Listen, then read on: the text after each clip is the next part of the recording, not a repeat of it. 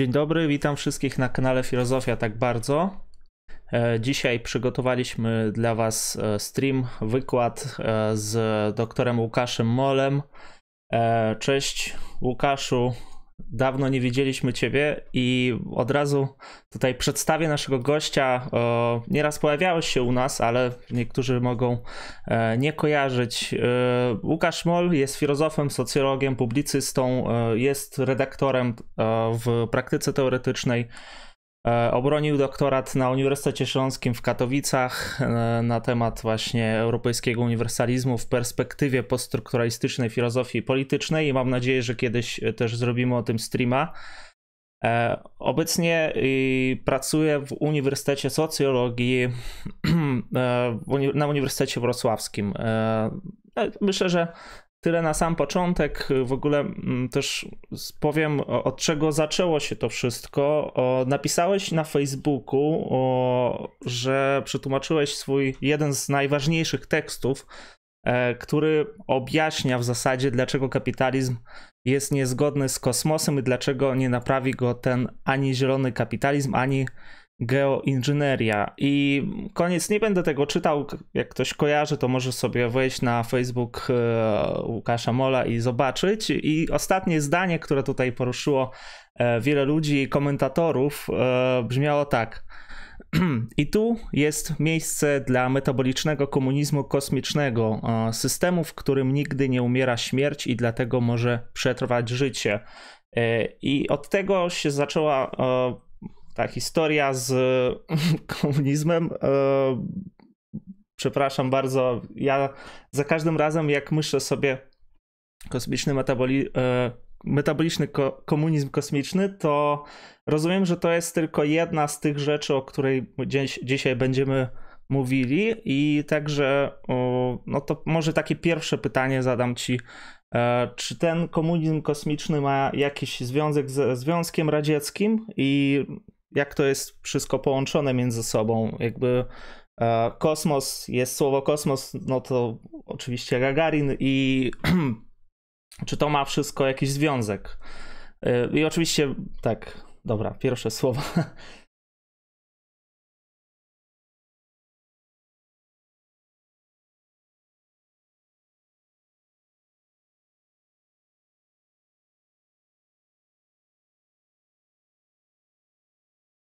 E, więc jak ktoś słyszy marksizm, komunizm i kosmos, no to myśli, że to jest jakaś próba e, wskrzeszenia być może takich projektów e, państwowych, tych wszystkich takich molochów, które budują rakiety, nowa wizja rywalizacji, tak jak kiedyś, kiedyś ze Stanami Zjednoczonymi Związku Radzieckiego, to że dzisiaj może komuniści chcą z Elonem Muskiem i z Teslą rywalizować.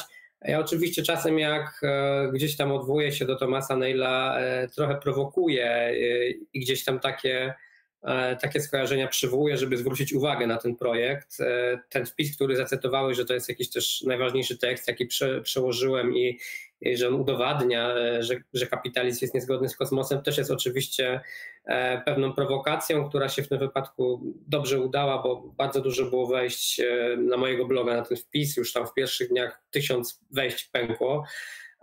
Widziałem też dużo jakichś memów, widziałem bardzo fajną, śmieszną przeróbkę E, doktor Łukasz Mol tłumaczy metaboliczny komunizm kosmiczny, gdzie, gdzie był podłożony ten taki naćpany pan sprzed paru lat, który, który mówił ziemia, woda, hemoglobina. A więc uznałem, że to jest dobre takie w ogóle wyzwanie, żeby jednak pokazać, że da się ten e, metaboliczny komunizm kosmiczny wytłumaczyć, będąc tak jak ja e, filozofem społecznym i, i socjologiem, czyli nie od takiej strony fizyka kwantowego, astronoma, i tak dalej, i tak dalej, tylko e, jako ktoś, kto czyta Thomasa Neila od lat, e, kto przeszedł z nim przez wszystkie jego książki, uważa go za bardzo ciekawego filozofa współczesnego, dzisiaj być może moim zdaniem prywatnie najciekawszego kontynuatora poststrukturalizmu i dlatego też wydaje mi się, że on jest dla was ciekawy. E, filozofia tak bardzo, bo dużo czytacie poststrukturalistów. Ja dzisiaj się postaram też wskazać te, te, te, te te zależności między Neilem a, a Foucaultem, Delezem i, i Guattarim, Batajem e, i tak dalej, i tak dalej. Więc od razu mówię też, że nie wyjaśnię dzisiaj, e, jak fizyk kwantowy czy astronom, jak działa cały kosmos e, i dlaczego kapitalizm jest niezgodny z kosmosem. Postaram się zrekonstruować, tak jak potrafię, argumentację Thomasa Neila, jego filozofię ruchu, czy też kinologię w jego kolejnych książkach I żebyśmy mogli do tego kosmosu tak naprawdę dojść, musimy moim zdaniem przejść przez poszczególne publikacje Neila, przygotować sobie spokojnie ten, ten argument o, o, komunizmie e, kosmicznym, też w takich obszarach, w których ja się czuję bardziej kompetentny, w których mogę go trafniej e, zrekonstruować. No i obiecuję, że ci, którzy dotrwają z nami do końca w tym streamie, na sam koniec zostaną E, zabrani w kosmos. E, postaram się też udowodnić, że nie jesteśmy, nie jesteśmy sami we wszechświecie, więc odniosę się też do ufologii e, pośrednio. Ale jeszcze odpowiadając wprost na Twoje pytanie, bo jest kilka takich skojarzeń, jak się słyszy komunizm i kosmos. No pierwsze to jest Związek Radziecki, tak jak powiedziałem, nie ma tutaj Thomas Neil nic wspólnego z tą tradycją. Nie ma też wspólnego nic z takimi popularnymi czasem w popkulturze, ale też w studiach kulturowych E, dziwnymi, zapomnianymi tradycjami rosyjskimi, radzieckimi, jak na przykład kosmizm, czyli ta utopia e, Mikołaja Fiodorowa, w której pojawiała się myśl o tym, że należy wskrzesić e, wszystkich zmarłych i tylko w ten sposób to zwieńczenie historii, ten, ten koniec dziejów będzie naprawdę egalitarny, bo będzie oznaczał, że te pokolenia z poprzednich epok e, nie umarły nadaremno, tak? nie umarły w tym trudzie po to, żebyśmy my kiedyś mogli żyć w komunizmie, tylko tak naprawdę pod koniec następuje taka totalna eschatologia dusz. E, to, to jest coś, co często wraca w jakichś artykułach filozoficznych, to też z Neilem nie ma wiele wspólnego. Nie ma też wiele wspólnego książka Mackenzie Work Molecular Red, która była bardzo popularna tak nie, trzy lata temu, wydaje mi się, ona wyszła. E, ważna książka na temat antropocenu, kryzysu cywilizacji, kryzysu antropologicznego, w której Mackenzie Ward, która jest taką czołową teoretyczką dzisiaj, wracała do różnych pomysłów utopijnych, do pisarzy science fiction y, ze Związku Radzieckiego, do Bogdanowa, do Platonowa. Część z naszych słuchaczy, widzów może to kojarzyć, tą książkę i te pomysły, natomiast tutaj też Neil w to się nie wpisuje. No i uprzedzam też pytanie, które może się pojawić na czacie, o ile już się nie pojawiło. Nie ma Neil nic wspólnego z Juanem Posadasem, to znaczy z tym słynnym, memicznym argentyńskim trockistą i, i ufologiem, który, jak wiemy, wypatrywał w trakcie zimnej wojny kontaktów z kosmitami, zastanawiał się, jak e, kosmitów wykorzystać e, w globalnej e, wojnie atomowej, jak przetrwać globalną e, wojnę atomową, będąc komunistą, jak nawiązać później kontakt e, z innymi e, cywilizacjami. No i wreszcie ostatnia rzecz, z którą ten projekt Neila nie ma nic wspólnego, a, a może się wydawać na pierwszy rzut oka, że ma, to są takie próby poszukiwania w strukturze wszechświata czy w prawach przyrodoznawstwa uzasadnień, dlatego że komunizm jest jak gdyby naturalnym stanem ludzkości. My wiemy, że różni, różni badacze w historii próbowali gdzieś tam ze struktury wszechświata, ze struktury przyrody e, wywieźć e, wizję jakiejś powszechnej harmonii, że, że wszechświat to tak naprawdę harmonia, to tak naprawdę komunizm, to dopiero tylko człowiek, czy kapitalizm, czy państwo to zaburza. U Neila takiego argumentu nie ma. To znaczy nie jest to rodzaj takiej um, utopijnej harmonii komunistycznej, która jest w kosmosie, którą my jakoś tam um, zaburzamy. Więc zupełnie nie tutaj zaczyna się ten projekt. On się zaczyna e, w pracy naukowej Neila z nielegalnymi migrantami w Toronto i w jego zainteresowaniu e, powstaniem zapatystów w Meksyku. Jego pierwsza książka była właśnie poświęcona mm, temu powstaniu zapatystów i twierdzę, czytając wszystkie książki Neila, że pewne kosmologiczne pomysły, które się pojawiają u zapatystów, niejako zapowiadają różne wątki e, w późniejszej filozofii Neila i są też zapowiedzią właśnie tego metabolicznego komunizmu kosmicznego. Dobrze. To ja też na sam początek powiem, że mm, znaczy poproszę wszystkich, którzy oglądają nas na YouTubie y, albo nie oglądają, polajkować e, nasz stream, dlatego że w ten sposób mamy możliwość dotrzeć do większej ilości ludzi. E, I także zachęcam do wpłacania donate'ów oczywiście, do wspierania nas. I pierwsze pytanie, znaczy już drugie pytanie do ciebie. Dlaczego się tym zainteresowałeś? E, no, oczywiście jakby widzę tutaj pewne związki, ale mm, jesteś przecież socjologiem i głównie jakby twoją tematyką jest, no powiedzmy, filozofia społeczna. A, a sam mówisz, że też nie znasz się na kosmosie, astronomii czy fizyce kwantowej. Tak, no ja tą książkę Teoria Ziemi, Theory of the Earth, ostatnią Neila, w której pojawia się problematyka kosmiczna i geneza e, wszechświata, próba wyjaśnienia całej struktury wszechświata e, i wreszcie ta propozycja filozoficzno-polityczna metabolicznego komunizmu kosmicznego. Ja tę książkę przeczytałem dlatego, że czytałem wszelkie, wszystkie e, poprzednie książki Neila, no i wydało mi się, dobra, nie znam się wprawdzie na tym, ale jestem ciekaw, e, jak ktoś, kto e, zaczyna od problematyki bardzo mi bliskiej, czyli właśnie od praw migrantów, od analiz, jak działają granice, jak działają reżimy migracyjne, no interesuje też się takimi ruchami anarchistycznymi jak zapatyści, jest odczytany w poststrukturalizmie, więc jest mi filozofem bardzo bliskim. E, który miał też duży wpływ na mój doktorat i na moją książkę, która jest obecnie w druku o granicach e, europejskiego uniwersalizmu. E, byłem po prostu ciekaw, jaki jest ciąg dalszy, tak? Czy to jest jakaś kontynuacja tych jego poprzednich badań, czy to jest coś zupełnie innego. No jak to zawsze bywa z Tomasem Neilem, to co jest w tym jego całościowym projekcie niezwykle fascynujące, to jest to, jak on też sam o sobie powiedział w którymś wywiadzie, że on właśnie jako taki aktywista na początku e, działający z tymi nielegalnymi migrantami w Toronto e, i ktoś, kto chciał napisać książkę o zapatystach, e, zadał sobie pytanie w ogóle o ontologię ruchu. Że on jako jednak filozof powinien podejść do tematu migracji od próby sformułowania pewnej ontologii ruchu, a następnie rozwinięcia takich regionalnych ontologii, powiedzielibyśmy. Czyli interesował go ruch w bardzo różnych odsłonach. Odsłonie właśnie społecznej i o tym są dwie jego książki o, o migrantach i granicach i o tym jest poniekąd też ta książka o e, zapatystach. E, no i później w kolejnych ontologiach takich właśnie regionalnych, gdzie pojawiają się zarówno pojawia się zarówno namysł nad tym, jak, jaka jest ontologia obrazów we współczesnej E, powiedzmy popkulturze, zmediatyzowanej rzeczywistości.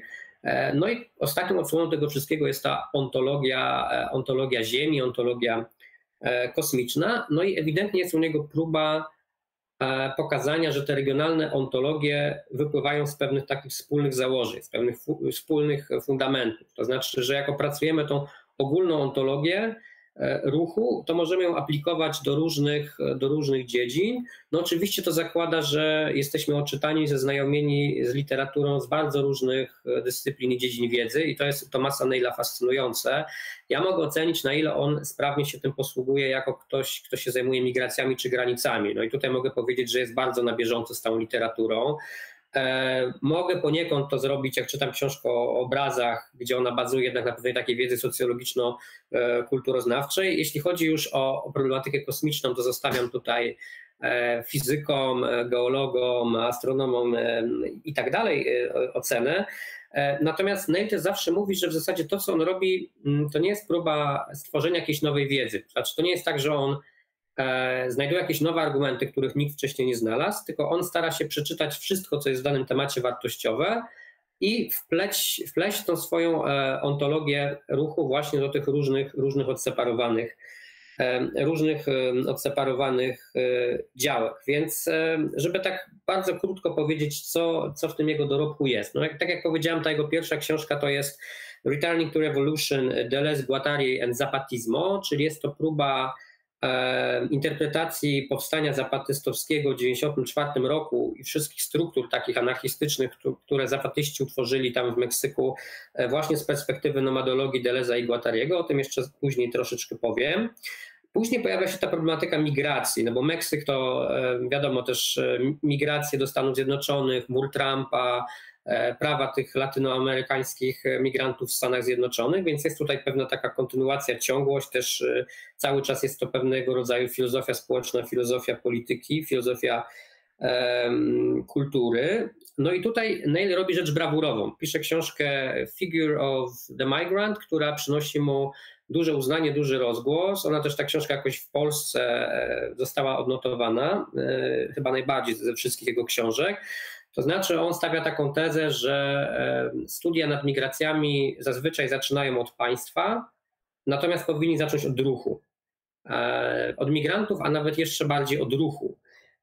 i wyjaśnić państwu jako pewien fenomen, który jest reaktywny, który jest wtórny, który jest odpowiedzią na pierwotny ruch. Później jest książka o granicach, która pokazuje, że ta odpowiedź na ten pierwotny ruch migrantów no, przyjmuje właśnie formę budowy różnych granic, których rolą jest zarządzanie tym ruchem. Później pojawia się traktat o ontologii ruchu, taki typowo filozoficzny, ciężki, e, ciężki pojęciowo, pełen odniesień do historii filozofii. Nazywa się Being and Motion, e, czyli bycie e, i ruch, gdzie też Neil wyjaśnia, kto jest jego prekursorem, gdzie szukać zalążków tej ontologii ruchu. I o tym też jeszcze trochę powiem, bo to Was pewnie będzie interesowało jako filozofów gdzie tam ta ontologia ruchu w różnych epokach myślenia filozoficznego się pojawia. Później Neil otwiera kolejny front. On w ogóle trzaska te książki, to jest niesamowite, dwie, dwie trzy rocznie. Każda z nich jest e, pełna przepisów. Nie wiem, kiedy on to wszystko czyta. E, tym bardziej, że jest to taki szeroki rozstrzał wiedzy.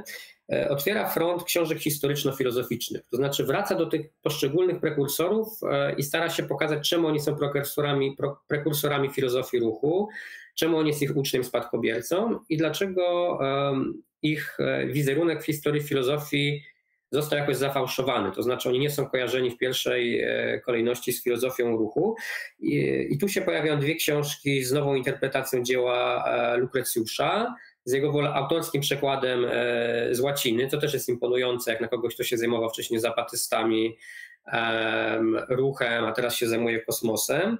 Pojawia też się książka o Marksie, która nazywa się Marx in Motion, czyli Marx w ruchu i to jest w zasadzie nowa interpretacja pierwszych kilku rozdziałów pierwszego tomu Kapitału Karola Marksa, znowu o tyle, znowu o tyle brawurowa, że e, dużo tam jest kwestii filologicznych, dużo jest e, siedzenia ze strony Neila nad przekładem, e, dużo jest pracy nad językiem niemieckim, próba zupełnie innego przełożenia pojęć z niemieckiego na angielski niż, niż miało to miejsce w translacjach kapitału.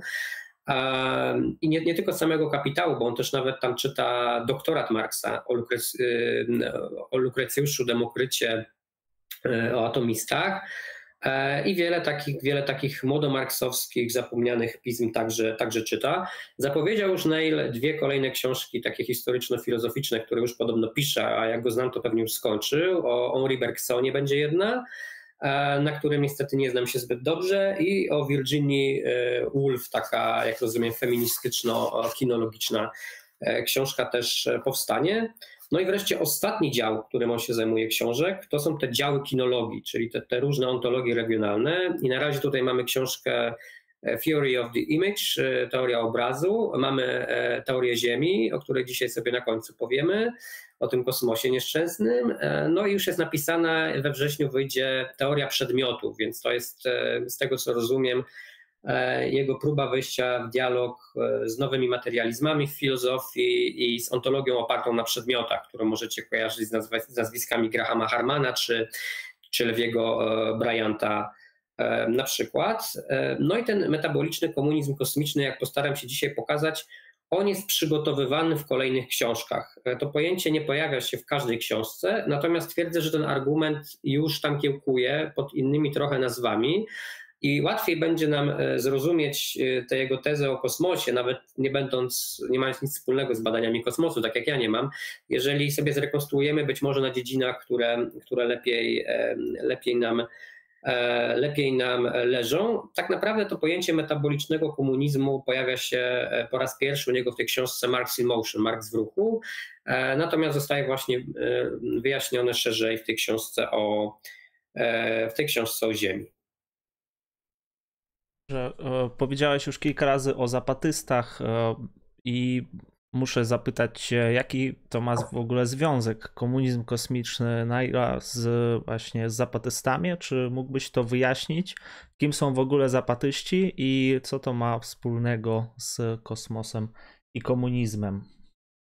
Tak, ja, ja, celowo dzisiaj ten stream zatytułowałem od zapatystowskiego pluriversum. Pluriversum to jest e, Oczywiście taki neologizm z universe, wszechświat, pluri, pluralistyczny, czyli to jest wszechświat, w którym jak zapatyści mają jedno ze swoich głównych haseł, mieści się wiele światów. Jeden świat, w którym mieści się wiele światów, czyli świat gościnny, To jest hasło z ich strony wymierzone w globalizację, rozumianą w taki sposób, że globalizacja nas unifikuje, amerykanizuje, spłaszcza ziemię. Natomiast, natomiast świat, w którym zapatyści by chcieli żyć, ten świat takiego alterglobalizmu, to jest świat wewnętrznie różnorodny, więc e, tu pojawia się wiele takich pojęć kosmicznych, wiele też symboli kosmicznych się u zapatystów pojawia. Więc ja twierdzę, że Neil, jako ktoś, kto zaczynał od zapatystów i kto w swojej książce omawiał wiele z tych konstruktów, e, no tutaj musiał zaczerpnąć, e, zaczerpnąć swoje inspiracje w myśleniu w ogóle o strukturze ruchu we wszechświecie i też inspiracje co do pewnej wizji komunizmu. To znaczy e, model, e, model życia społecznego, który zapatyści u siebie próbują zbudować, e, to jest pewnego rodzaju wolnościowy, oddolny komunizm. Tak? Komunizm, anarchokomunizm moglibyśmy powiedzieć. Komunizm budowany przez zwykłych ludzi, oddolnie, bardzo partycypacyjnie, E, bardzo e, samorządnie, więc dlatego chcę zacząć dzisiaj od zapatystów, nie tylko dlatego, że to jest pierwsza książka Neila i ktoś mógł powiedzieć, że ona jest taka młodociana, że on trochę nie przynależy do, jeszcze do tego projektu filozofii ruchu, natomiast ja twierdzę, że tam właśnie związek komunizmu z kosmosem pojawia się po raz pierwszy i to pojawia się w bardzo ciekawy sposób.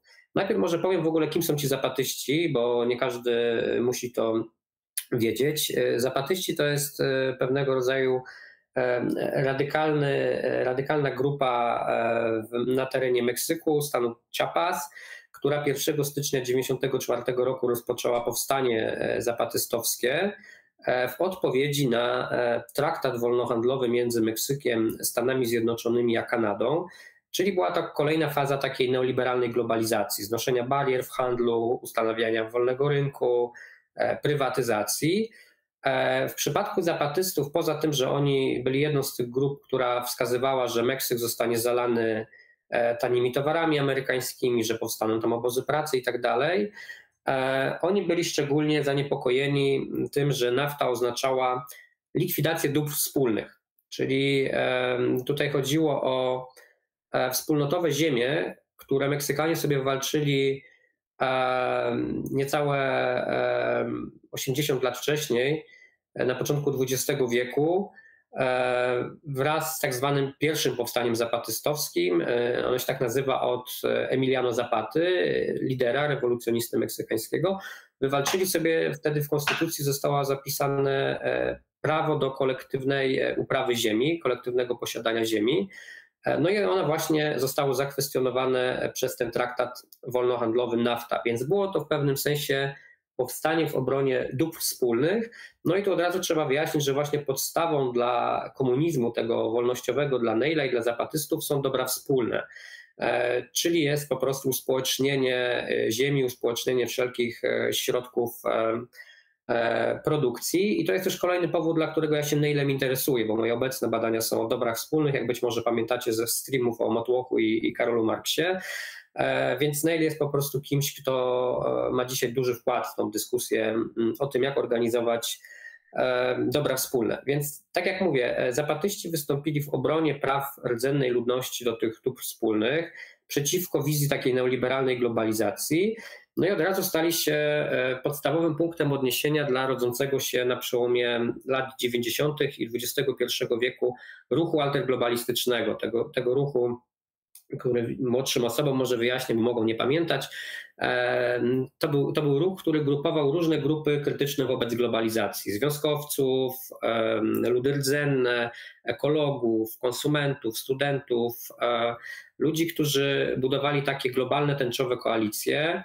Zjeżdżali się też e, na różne wiece e, finansjery, polityków, żeby je e, oprotestowywać, więc ta wizja alterglobalizacji no to była wizja budowania wspólnego świata, ale na innych zasadach, czyli na takich zasadach właśnie uspołecznionych, oddolnych, ceniących sobie różnorodność. No i stąd to hasło, które rzucili zapatyści, świat, w którym mieści się wiele światów, czyli właśnie ten pluriverse, nie E, nie uniwers, nie, e, nie, nie wszechświat, który jest takim wszechświatem niegościnnym, e, wszechświatem tej globalizacji, która jest jak walec, która niszczy inne sposoby życia, która nas wszystkich amerykanizuje, sprowadza do, do takich podmiotów indywidualistycznych, rywalizujących na rynku, tylko właśnie ten wszechświat, który umożliwia ci życie jak Indianin w puszczy, jak drobny rolnik, jak student wynajmujący mieszkanie komunalne i tak dalej, i tak dalej.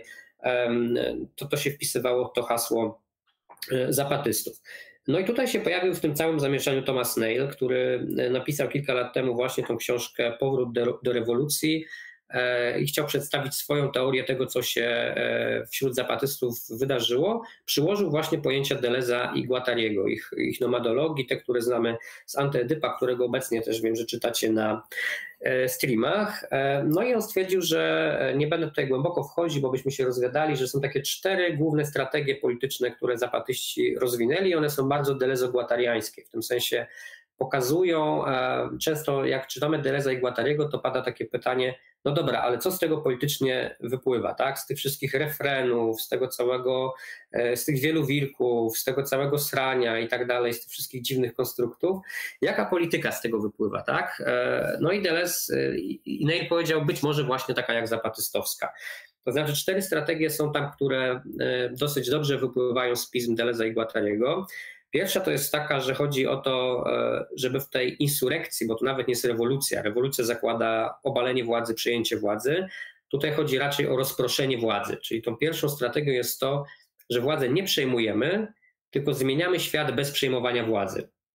Rozpraszamy po prostu władzę polityczną, walczymy z centralizmem, a walczymy z tym centralizmem Między innymi dlatego, że e, no na tym też polegał problem e, komunizmów i socjalizmu w XX wieku, tak? że one były centralistyczne, że one były autorytarne, że one się staczały e, w totalitaryzm. Druga strategia, którą zdaniem Neila zastosowali zapatyści, to była strategia prefiguratywnej transformacji. To znaczy, w toku tych eksperymentów, przemian chodziło o znalezienie nowych modeli życia, Czyli nie jest tak, że przychodzimy z pewnym katechizmem rewolucyjnym, z pewnym gotowym programem, który tak aplikujemy, wdrażamy, tylko e, w toku tych działań, tej współpracy, tej insurekcji budujemy już zalążki e, nowego świata, tak? Czyli jest to no, taka nomadyczna koncepcja budowania czegoś e, nowego na zasadzie prób i błędów, na zasadzie ucierania się różnych stanowisk. Z tego wypływa trzecia strategia tak naprawdę, partycypacyjnego ciała politycznego. No i tutaj przebija nam oczywiście koncepcja ciała bez organów Deleza i, i Guattariego, czyli mocno partycypacyjna koncepcja e, współrządzenia, samorządności, pozbawiona właśnie tej głowy, tak? czy pozbawiona tego, co Deleuze i Guattari nazwaliby strukturami drzewiastymi, e, czyli tego środka e, kierowniczego. I wreszcie ostatnia e, strategia to jest przynależność do wzajemnej globalnej solidarności. Neil będzie to później w swoich innych książkach nazywał solidarnością nomadów. E, czyli chodzi o to, że to, co zrobili zapatyści, tak naprawdę z jednej strony było oczywiście obroną e, rdzennej ludności, która zamieszkiwała to bardzo konkretne, e, niewielkie terytorium, z drugiej strony było aktem nieposłuszeństwa wobec całej globalizacji. Czyli ta solidarność nomadów polega na tym, że jeżeli ktoś walczy nawet na drugim końcu świata z globalizacją i proponuje wizję świata, w którym mieści się wiele światów, to walczy też o mnie, tak? W Polsce. Jeżeli ja w tej Polsce zawalczę, to ja walczę też o zapatystów, więc to jest taka solidarność na odległość, solidarność nomadów. Później ten termin Neil będzie rozwijał za Ibn Kaldunem, takim średniowiecznym e, filozofem, socjologiem arabskim, e, który, który wprowadził takie pojęcie asabija, czyli właśnie tej solidarności nomadów, jego zdaniem u plemion koczowniczych, a wiemy, że Deleuze i Guattari też uwielbiali koczowni, koczowników, koczownicze maszyny wojenne i Thomas Neil też absolutnie jest w tej drużynie.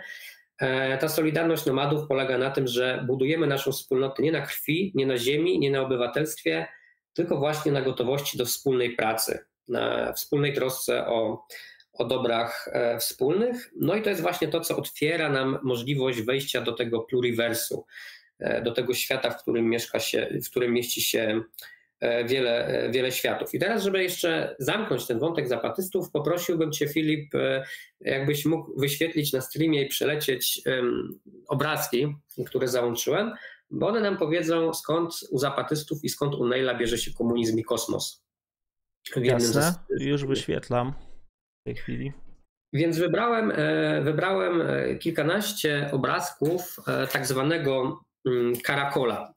Widzicie, jest to, jest to pewnego rodzaju mural w, tej wersji E, rysunek e, zamieszczany przez zapatystów na ich budynkach, e, no, który ma takie wspólne cechy. To znaczy, karakol po hiszpańsku to jest chyba, chyba ślimak. W każdym razie to słowo to, to, to, chyba znaczy na pewno to, to pojęcie znaczy, znaczy, znaczy ślimaka, tak jak Neil się nim posługuje. Więc widzicie tam taką skorupę ślimaka. Mm, ta skorupa ślimaka jest e, zawsze pokolorowana, pokolorowana w jakiś bardzo taki kolorowy, pstrokaty sposób. Ona zawsze jest podczepiona do pewnego kolektywnego modelu życia, jak widzicie na tych obrazkach. To tam jest zbieranie kukurydzy, e, budowanie czegoś, e, świętowanie czegoś. Czasem ten karakol jest wpleciony właśnie w strukturę kosmosu, buduje jakieś takie powiązanie między tym, co ziemskie, a tym, co E, kosmiczne, bardzo często jest też, reprezentuje jakąś taką wizję właśnie globalnej wspólnoty, tej nomadycznej, globalnej e, solidarności, w której się mieszczą ludzie z całego świata, bardzo pstrokaci, kolorowi, e, czyli właśnie, właśnie jest to ta wizja tego, tego pluriversum. No i teraz chciałbym zinterpretować krótko, czym ten karakol dla zapatystów i dla Neila jest, ponieważ to nam pozwoli zrozumieć koncepcję metabolicznego komunizmu e, kosmicznego. Więc po pierwsze, karakol ma wiele tutaj znaczeń i, i, wszystkie te znaczenia musimy pokrótce wyłuskać. Po pierwsze, karakol, jak to ślimak, jest wolny, czyli symbolizuje zwolnienie. Zwolnienie historii, zwolnienie tej historii postępu, która zdaniem e, zapatystów nie jest tak naprawdę historią postępu, tylko jest historią destrukcji. Destrukcji środowiska, tego właśnie metabolizmu ziemskiego, destrukcji różnych modeli życia, całej różnorodności, E, destrukcji ciał, e, ciał ludzi, zwierząt, ciała ziemi, e, całej, całej energii pracy, którą kapitalizm wyzyskuje. No i w dłuższej perspektywie jest też po prostu destrukcją, destrukcją ludzkości. Więc chodzi tu o pewne zwolnienie, na pewno. Zwolnienie w rozumieniu też powrotu do pewnych tradycyjnych sposobów, do pewnej tradycyjnej, rdzennej wiedzy, ale nie jest to też po prostu afirmacja czegoś antynowoczesnego, e, czegoś bardzo tradycjonalnego, tylko jest to raczej zwolnienie po to, żeby znaleźć inne drogi przyspieszenia, powiedziałbym, albo przyspieszenia w inny zupełnie e, sposób, czyli nie takiego przyspieszenia na oślep, tylko takiego właśnie przyspieszenia w integrowaniu ludzi e, z całego świata. Więc to by było to pierwsze dla nas istotne znaczenie. Drugie znaczenie to jest właśnie ta pstrokatość, ten koloryt, który widzimy na skorupie mm, karakola, e, która jest po prostu afirmacją różnorodności. Czyli jest to różnorodność e, w bardzo tutaj istotnym znaczeniu dla zapatystów, bardzo konkretnym znaczeniu. Nie chodzi o samą taką multikulturową celebrację różnic, albo jak dzisiaj w polityce tożsamości, że im więcej małych tożsamości, im więcej różnic, tym lepiej dla demokracji. Tylko chodzi tutaj o różnorodność, y, która ułatwia właśnie tą współprodukcję, tą pracę w tych dobrach wspólnych. E, czyli generalnie afirmuje się różnorodność, ale to nie ma być różnorodność na zasadzie popisywania się, że jestem inny. E, szukania jakichś rynkowych, e, rynkowych towarów, którymi teraz zacznę się otaczać, żeby pokazać, jaką jestem wyjątkową osobowością. Tylko to jest próba budowy różnorodnych modeli obróbki tych dóbr, dóbr wspólnych. Kolejne, trzecie znaczenie karakola, które jest bardzo ważne, to to, że e, karakol to jest u zapatystów także struktura samorządu. To jest pewna jednostka municypalna. Pewien samorząd regionalny, właśnie, który jest formą organizacji dobra wspólnego. Więc ten ślimak różnorodny jest po prostu symbolem e, pewnego autentycznego samorządu, który e, zapatyści próbują zbudować, i ten samorząd ma obracać się wokół troski, opieki reprodukcji życia. Kolejne wreszcie znaczenie, również bardzo ważne dla Neila, e, może najważniejsze, to jest nowa koncepcja czasowości, czy temporalności, czy historii, e, którą Karakol e, symbolizuje. I co ważne, ta koncepcja wypływa z kilku źródeł. To jest zarówno myśl Waltera Benjamina, jego, jego koncepcja obrazu dialektycznego. Są to rdzenne kosmologie indyjskie, głównie Majów, teologia wyzwolenia, czyli taka chrześcijańska teologia stawiająca sobie za cel sprawiedliwość społeczną.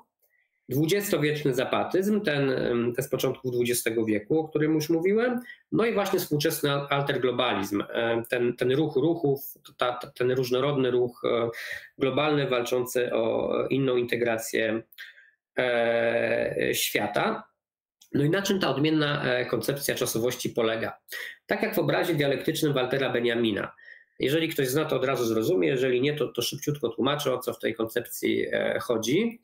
U Benjamina pojawia się taki stosunek do e, historii, do, do jakiegoś przewrotu, insurekcji, e, który ma polegać na tym, że bierzemy pewne elementy z bardzo różnych porządków czasowych, elementy, które były potencjalnie rewolucyjne, tak zwaną tradycję uciśnionych, pewne tradycje przegranych walk, przegranych, e, przegranych idei, przegranych, przegranych postaci i łączymy je w taki sposób, żeby wytworzyć coś nowego.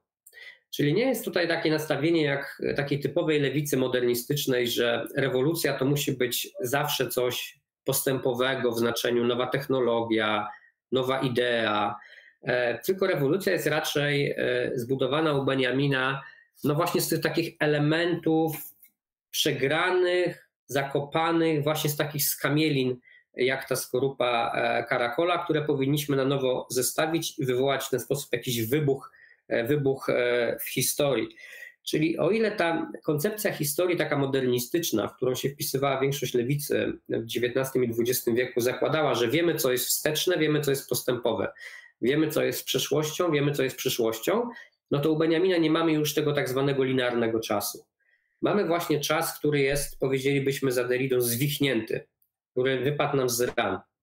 Jest to czas, w którym próbujemy właśnie zebrać różne elementy, żeby ułożyć z nich e, nową opowieść o e, przyszłości. I tutaj zapatyści używają takiego hasła, nie wiem jak ono jest po hiszpańsku, po angielsku, zazwyczaj e, jak czytam w publikacjach, ono brzmi weaving the past into the present, czyli utkać przeszłość w teraźniejszość. Bardzo dosłowny nawet czasem sposób, bo, bo zapatyści w swoich warsztatach tkackich te karakole po prostu wytwarzają. Czyli te karakole, które tam widzicie w formie murali, one też są wytwarzane przez zapatystów e, w formie pewnej takiej, e, pewnych takich ludowych tekstyliów, e, które są, które są tam produkowane w ich warsztatach tkackich. No i właśnie to utkanie teraźniejszości z przeszłości nawet ten karakol wyraża w taki, w taki bardzo plastyczny sposób, tak? ponieważ on właśnie jako taki rulonik, jako takie zwinięcie symbolizuje to zwinięcie tych różnych tradycji, o których już wcześniej mówiłem, marksistowskich, antyglobalisty,cznych rdzennych, teologii wyzwolenia. Więc jest to rodzaj takiego, widzicie to pewnie na wielu tych obrazkach, jak te różne tradycje, które tam się e, pojawiają, one się zwijają poniekąd w tego ślimaka, często gdzieś tam w ogóle przenikając z kosmosu, jest to bardzo taka kosmologiczna wizja i tworzą coś zupełnie nowego. Ten karakol zasysa po prostu różne e, tradycje. No i ostatnia rzecz, o której tu chcę powiedzieć a propos tego karakolu, dlaczego on jest e, tak często umieszczany w kosmosie. To, to wynika z tych kosmologii rdzennych Majów, w których, wedle których ludzkie serce ale też cała struktura wszechświata e, ma kształt karakola. Tak? To też oznaczało, że e, gdzieś my jako ludzie w naszym budulcu, w naszej konstrukcji cielesnej jesteśmy zlepkiem kosmosu, jesteśmy w pewnym sensie odzwierciedleniem struktury wszechświata, jesteśmy po, po prostu zbudowani z pewnych związków, które wszechświat, e, które wszechświat wytworzył, no, no i wiemy dzisiaj od badaczy, którzy się, którzy się zajmują e, kosmosem, że rzeczywiście tak jest. Tak? Nasze kości, nasze ciała są zbudowane e, z różnych, z różnych wytworów wszechświata, z różnych epok geologicznych, z różnych momentów w rozwoju wszechświata, więc w pewnym sensie każdy z nas jest karakolem. To znaczy, każdy z nas w naszej konstrukcji cielesnej jest zwinięciem E, pewnych związków, które są we wszechświecie. No i na poziomie też takim kulturowym jest zwinięciem różnych, różnorodnych e, tradycji. W związku z tym też wynika benjaminowska i nejlowska i zapatystowska e, teoria tej insurekcji w taki sposób, że insurekcja ma polegać na innowacyjnym, sprawnym zwinięciu tych różnych tradycji na nowo. Tak? Czyli jest to Nasz stosunek do historii nie powinien być już jak e, w takim topornym marksizmie stosunkiem robotnika, proletariatu, który teraz weźmie tą martwą materię i przetworzy na coś, na coś e, postępowego, na jakiś komunizm przyszłości, tylko powinna być właśnie podejściem takiego tkacza, który jest zanurzony w tym wszechświecie, w tych tradycjach i próbuje po prostu utkać pewnego rodzaju nową opowieść o, nową opowieść o e, przyszłości. Więc to, co powinniśmy tutaj zapamiętać, konkludując ten wątek zapatystowski dla argumentu o komunizmie kosmicznym, to jest tak. Karakol jako nowa temporalność, czyli, czyli nowa, nowa czasowość, nowy stosunek do historii, właśnie to, to zwinięcie, ten obraz dialektyczny. Komunizm jako dobro wspólne, czyli nie jako państwo, nie jako pewien jakiś moloch, e, tylko właśnie jako współprodukcja pewnych wspólnych e, dóbr, reprodukcja życia w taki zrównoważony też ekologicznie sposób.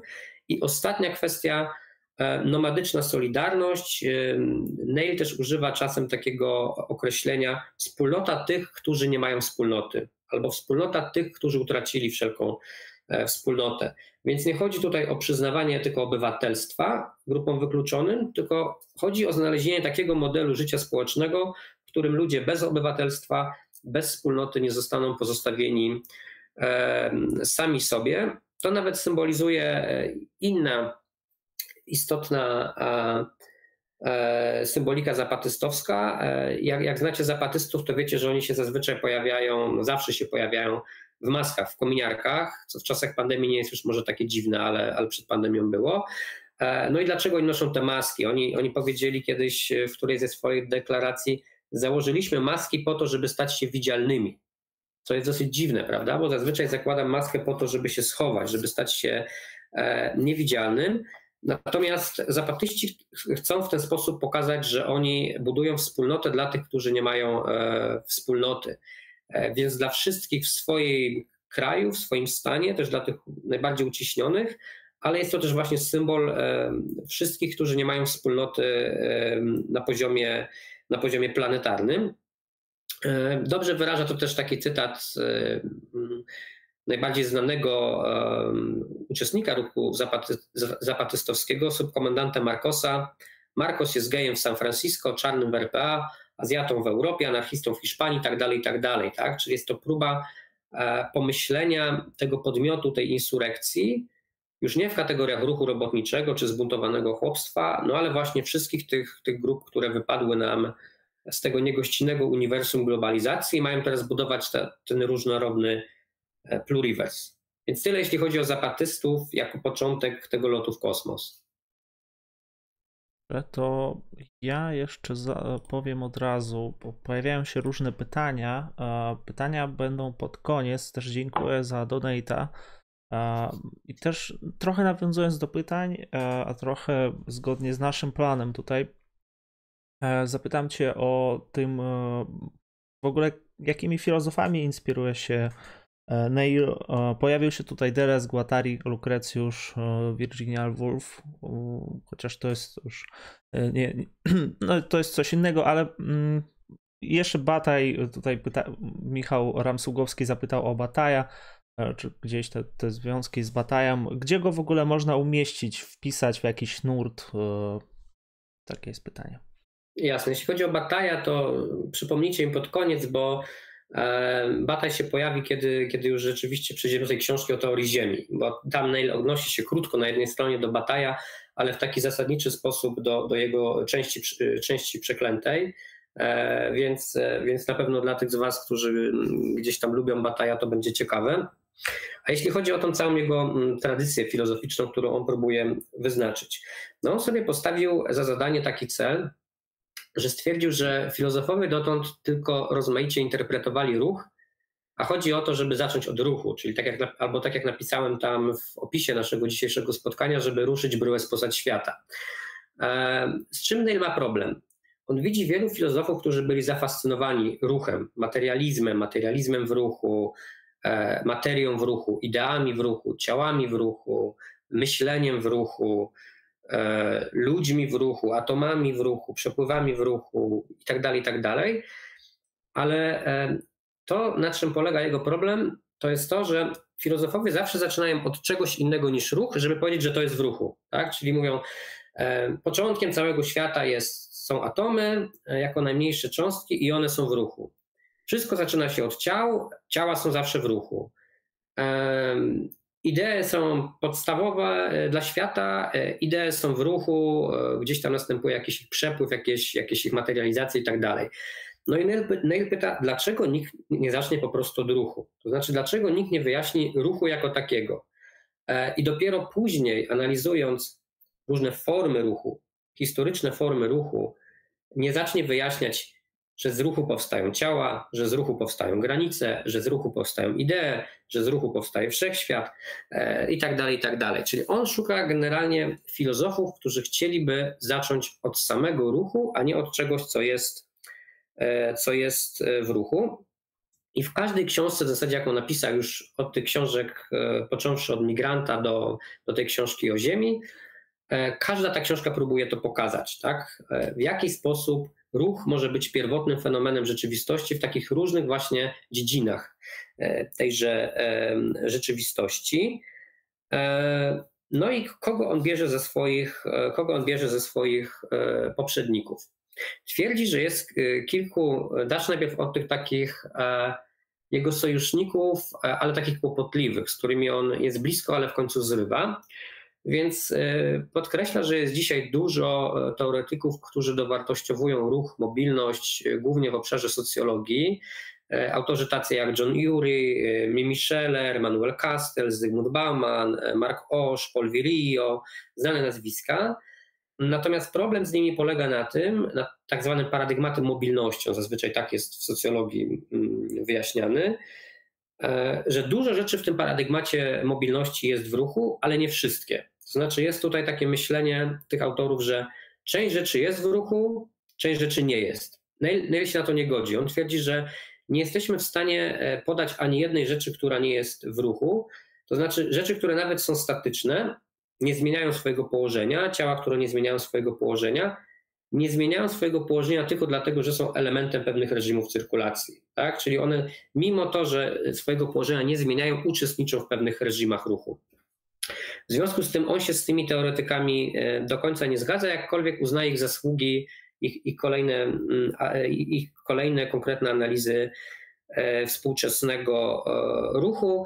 Nie zgadza też się z takim ich zabiegiem, że oni na przykład oddzielają starą nowoczesność, która miała być tą no, nowoczesnością taką stabilną, mieszczańskich wartości, przykutą do ziemi, od tej nowoczesności płynnej, od tej nowoczesności takiej wysoce mobilnej i kinetycznej.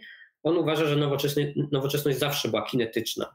Teraz może być tego ruchu więcej, albo on może być bardziej widoczny, natomiast to nie znaczy, że gdzieś tam kiedyś istniał świat, nowoczesny czy przednowoczesny, który był od mobilności e, wolny. Więc to jeśli chodzi o takie inspiracje połowiczne u niego. I teraz przejdźmy do tych takich mocniej filozoficznych e, i dużo bardziej, dużo bardziej już istotnych dla niego. No on twierdzi, że jest kilku e, w historii znaczących filozofów materialistów, materialistów kinetycznych, jak on ich nazywa, materialistów, którzy rozumieją, że E, nie jest tak, że ciała, czy towary, czy ludzie są w ruchu, tylko że ruch jest e, jakby prymarnym e, żywiołem rzeczywistości. No i rzeczywiście tą tradycję wyznacza Lukrecjusz i, do książek o Lukrecjuszu pewnie jeszcze za moment przejdziemy. Karol Marx i Henri Bergson, o, która, o którym jeszcze książki nie napisał. Co ciekawe, e, i Marx, i Bergson, jego zdaniem, byli namiętnymi czytelnikami Lukrecjusza, co jednak w komentarzach do obu tych filozofów nie odgrywało tak ważnej roli. To znaczy, rzeczywiście doktorat Marksa o antycznym materializmie jest traktowany jako taka wprawka e, no po prostu młodego, młodego chłopaka, który później zaczął być tym prawdziwym komunistą, marksistą i i nie wraca już do tego. Tymczasem Neil e, bardzo gruntownie czytając e, ten doktorat, który jest o, o różnicy między epikurejską a demokrytejską filozofią grecką, pokazuje, że chociażby rozstrzygnięcia translatorskie czy pojęciowe, które tam się u Marksa pojawiają, będą mu towarzyszyć przez całą jego karierę filozoficzną, łącznie z rozdziałami z jego opus magnum, czyli e, z kapitału. E, no i Neil twierdzi, że dlatego, że ten doktorat był nieczytany, długo nieopublikowany, e, sprawił, że mamy też wypaczony obraz Marksa, to znaczy nie traktujemy Marksa jako filozofa ruchu, wybitnego filozofa ruchu, e, którym zdaniem Neila Marx był, e, będąc, będąc zarazem też e, kontynuatorem Lukrecjusza. To samo podobno jest z Bergsonem, tak jak powiedziałem, nie znam się na Bergsonie, jak ktoś się zna, to może zabrać tutaj głos, komentarz, ale, ale na pytania raczej nie odpowiem. W, każdej, w, każ, w każdym razie Neil gdzieś tam zapowiedział, że w tej jego książce o Bergsonie E, pojawi się analiza autorskiego komentarza, jaki Bergson sporządził do e, dzieła Lukrecjusza De Rerum Natura. To znaczy rzeczywiście podobno Bergson e, bardzo gruntownie czytał Lukrecjusza i, i, i, go komentował, więc jest to po prostu pewna tradycja wyznaczona nazwiskiem Lukrecjusza, którą też Nell za Lulisem Altizerem nazywa podziemnym nurtem materializmu spotkania. Altizer napisał kiedyś taki tekst, E, no i właśnie w tym tekście pisał, że w tej tradycji podziemnego nurtu materializmu spotkania jest Lukrecjusz, jest Machiavelli, jest Marx, chyba tam też Spinozę wpisywał, e, który też dla Neila jest, jest ważny, ale z pewnych względów e, ma do Spinozy Neil pewne zastrzeżenia. No i również Deleuze jest, jest kimś takim jak Spinoza, to znaczy jest też kimś, kto jest niewątpliwie zafascynowany ruchem, e, nomadologią. E, natomiast nie jest też dla Neila do końca swoim gościem, e, dlatego że u Deleza ten ruch jest jednak przerywany. Czyli zdaniem Neila w jego interpretacji Deleuze jest zafascynowany ruchem, ale ruch może być u niego wygaszany, przerywany, na co Neil absolutnie się, absolutnie się nie zgodzi. No i w tym swoim traktacie filozoficznym Bycie i Ruch, w którym e, jest ta cała tradycja, e, którą teraz po, po, pokrótce wyłożyłem, e, wspomniana, jest cała próba wyjaśnienia, jak w historii filozofii rozwijały się w poszczególnych epokach filozoficznych ontologie, mitologie, kosmologie, teologie i fenomenologię i w jakim sensie one były odpowiedzią na dominujący, dominujące wyobrażenie o ruchu, jakie w tej epoce e, dominowało. Ja nie będę w to wchodził, bo to są bardzo, bardzo szczegółowe analizy, one nie mają też znaczenia dla, dla naszego dzisiejszego tematu, e, ale dla filozoficznych frików e, naprawdę ten, ten, to bycie i ruch polecam, żeby się z tymi analizami E, zapoznać. Jeszcze tylko o jednej, książ- jednej rzeczy z tej książki Bycie i Ruch chcę powiedzieć, bo ona jest ważna dla naszego argumentu o metabolicznym komunizmie kosmicznym i jest też pewnym takim filozoficznym wyłożeniem tego, co już mówiłem a propos Karakola. To znaczy, w tym byciu i ruchu Neil wykłada e, kinetyczną wizję historii. Więc jaki jest stosunek jego do historii? No i jest właśnie takim stosunkiem bardzo mocno beniaminowskim, stosunkiem tego, tego zapatystowskiego e, Karakola. To znaczy on twierdzi, że historia nie układa nam się po prostu w przeszłość, teraźniejszość i przyszłość w taki naiwny, linearny e, sposób, tylko nasza teraźniejszość, to co rozumiemy pod nazwą teraźniejszości, jest pewnego rodzaju sfałdowaniem przeszłych zjawisk, czyli przeszłych historycznych form ruchu. Zarówno w tym znaczeniu, że materia z przeszłości została w jakiś sposób e, przerobiona, ułożona, sfałdowana i my żyjemy e, w produktach tej materii, ale one ciągle są żywe, one ciągle się starzeją, one ciągle się e, przekształcają. Jak i też w tym sensie, no że właśnie ta materia przeszła nie jest martwa, ona nie jest zamknięta i w tym sensie przeszłość jest ciągle żywa. Ona się ciągle dzieje na różnych poziomach. Ona się dzieje w historii politycznej na zasadzie idei walk, pewnych tradycji, pewnej pamięci. Ona się dzieje w kulturze e, na zasadzie pewnych trendów kulturowych, które e, wydają się już zamierzchłe, ale ciągle wracają. Trochę tak jak w bidmontologii Derrida albo w hauntologii Marka Fischera, jeżeli ktoś się interesuje tutaj muzyką, popkulturą, też jest to taka wizja e, pewnej przyszłości, która nie chce umrzeć. No i Neil twierdzi, że ona jest też po prostu E, ta przeszłość żywa w strukturze wszechświata. Ona jest żywa w porządku kosmicznym, ona jest żywa w warstwach geologicznych Ziemi, że to, co pochodzi z przeszłych epok, jest po prostu sfałdowane, tak jak e, warstwy geologiczne Ziemi. i gdzieś tam sobie żyje, tak? gdzieś tam wytwarza coś nowego. Nie jest to po prostu tak, że są to pewne epoki, które możemy uznać za zamknięte. Nikt do końca nie wie, co jeszcze jesteśmy w stanie z nich wyłuskać. Tak? I tutaj paliwa kopalne, kopaliny, skamieliny, które pozyskujemy, są na to dobrym przykładem. Jak wiele nowych zastosowań możemy E, nowych zastosowań możemy znaleźć i w tym sensie także przyszłość, która nas czeka, jest już dziś i jest już w tym dziś, które było kiedyś. To znaczy, przyszłość ustala się w tym, co robimy dzisiaj ze swoimi ciałami, z naszą materią, z energią. No i kryzys klimatyczny, kryzys ekologiczny jest chyba dobrą ilustracją do tej tezy. To znaczy, cała ta dyskusja o emisjach dwutlenku węgla, które wygenerowaliśmy od początku kapitalizmu, rewolucji przemysłowej, dokładnie to nam pokazuje, tak, że mm, te nasze możliwości działania, naprawy klimatu są dzisiaj ograniczone, ponieważ ta przeszłość, która została wrzucona e, w atmosferę, ona już pracuje e, na rzecz przyszłości. Ona już nam zamyka e, możliwość działania w przyszłości. Więc w związku z tym twórczy stosunek do historii i możliwość jakiejś rewolucji, jakiejś postępowej zmiany, no zależałaby właśnie od zrozumienia tej struktury historii że nie chodzi o to, żeby zrobić jakieś cięcie, taką nagłą rewolucję, tylko chodzi o to, żeby cały ten porządek materii nagromadzony przetworzyć na nowo w inny sposób, wyrwać go kapitalizmowi i organizować właśnie te dobra wspólne, ale, ale ten argument taki właśnie, w jaki sposób to zrobić, jeszcze sobie rozwiniemy w późniejszej części spotkania. Dobrze. E, powiedziałeś tutaj Lukrecjusz już kilkanaście razy chyba i Lukrecjusz w ogóle ostatnio jakoś tak ciągle mi się przywija gdzieś. Y, dlaczego jest taki ważny dla Tomasa Neila? Y, dlaczego jest taki ważny też y, dla Marksa? I co Lukrecjusz tutaj ma wspólnego z tymże kosmosem i komunizmem? Mhm. Powrót Neila do Lukrecjusza, który jest włożony w dwóch tomach e, Lucretius and Ontology of Motion jest uzasadniony kilkoma rzeczami. Na pewno tym, że jego zdaniem Lukrecjusz w tradycji filozoficznej e, zasłużył sobie na więcej, e, to znaczy zazwyczaj, zazwyczaj jest e, przedstawiany jako kontynuator mało oryginalny, epigon greckiego atomizmu, myśli Epikura i Demokryta.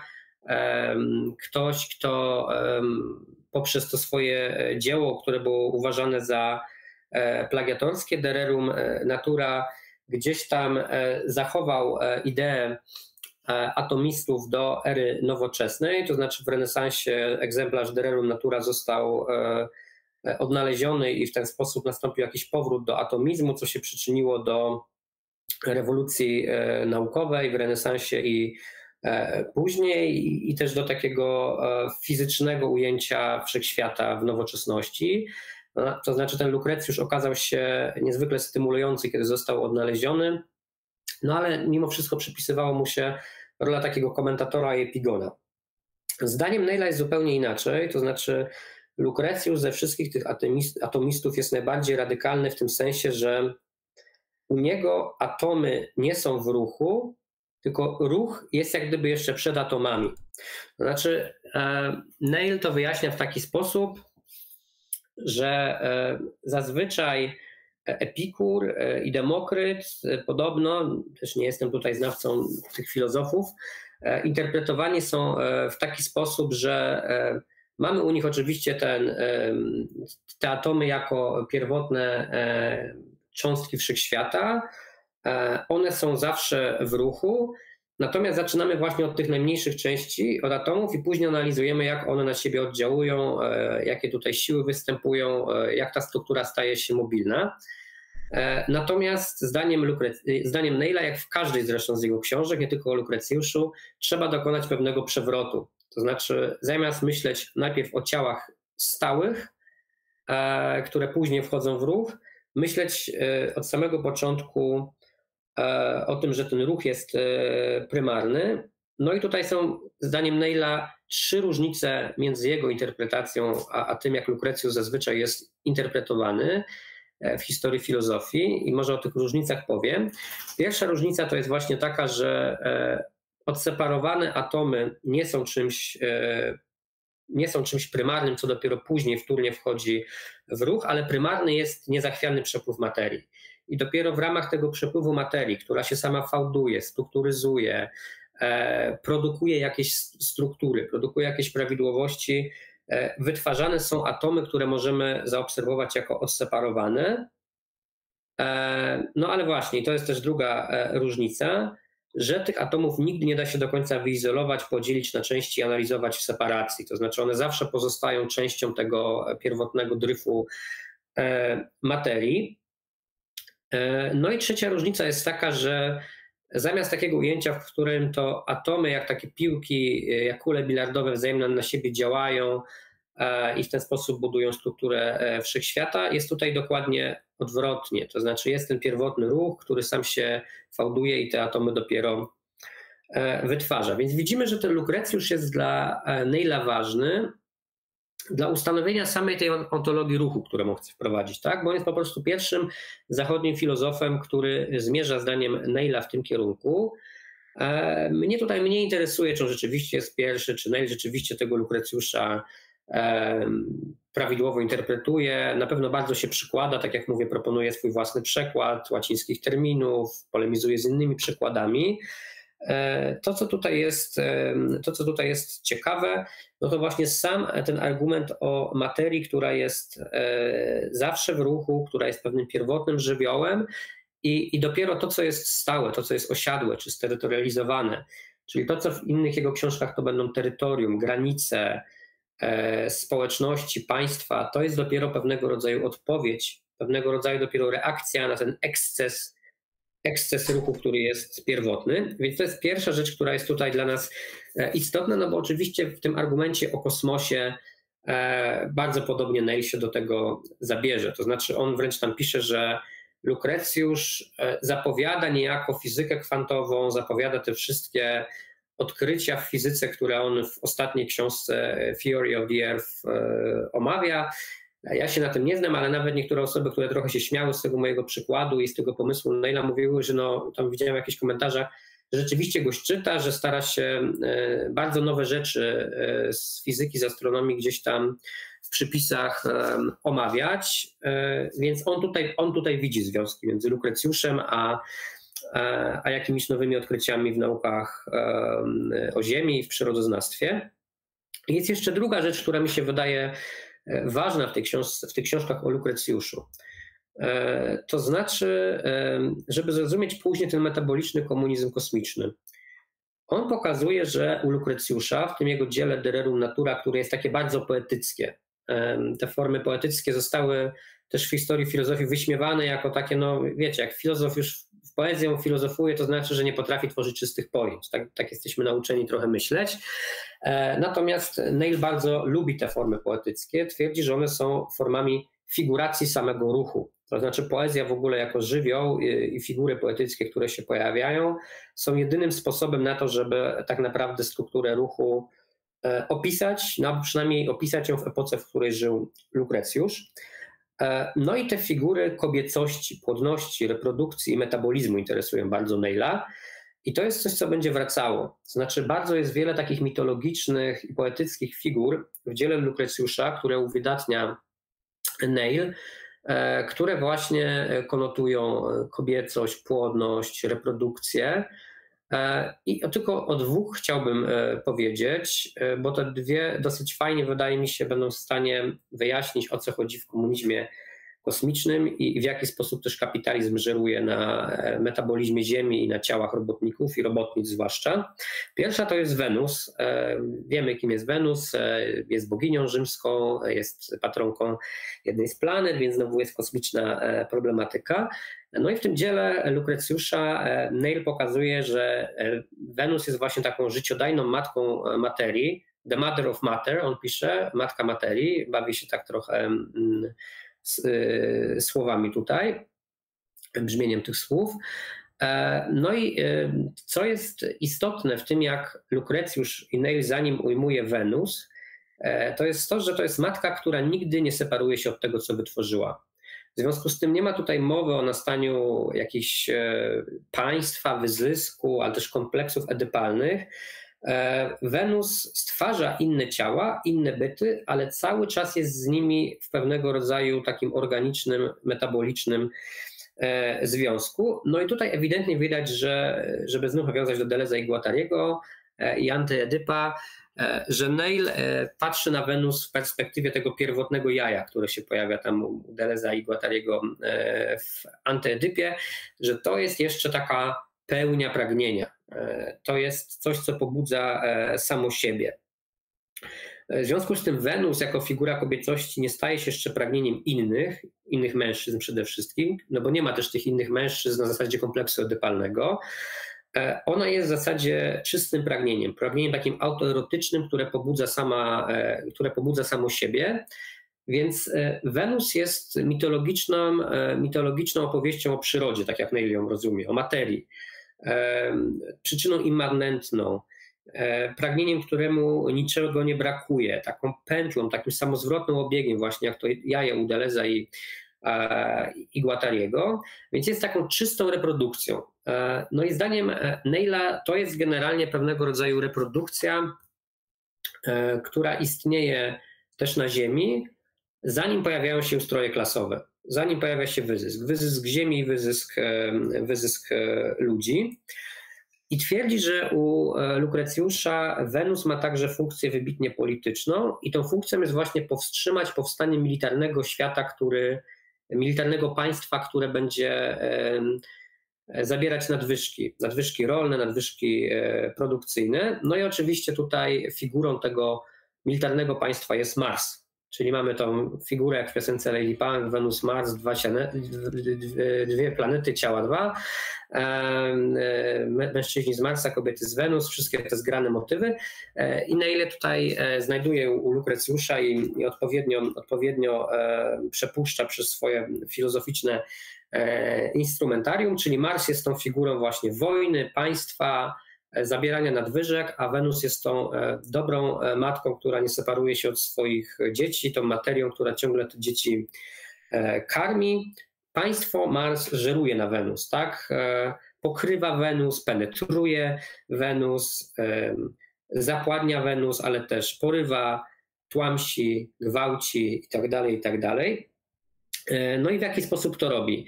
Przez formę e, właśnie klasowego wyzysku, długu, kredytu, wymiany i ustanawiania centrów handlu, jak pisze e, Neil, czyli to, co się już dzieje w starożytności.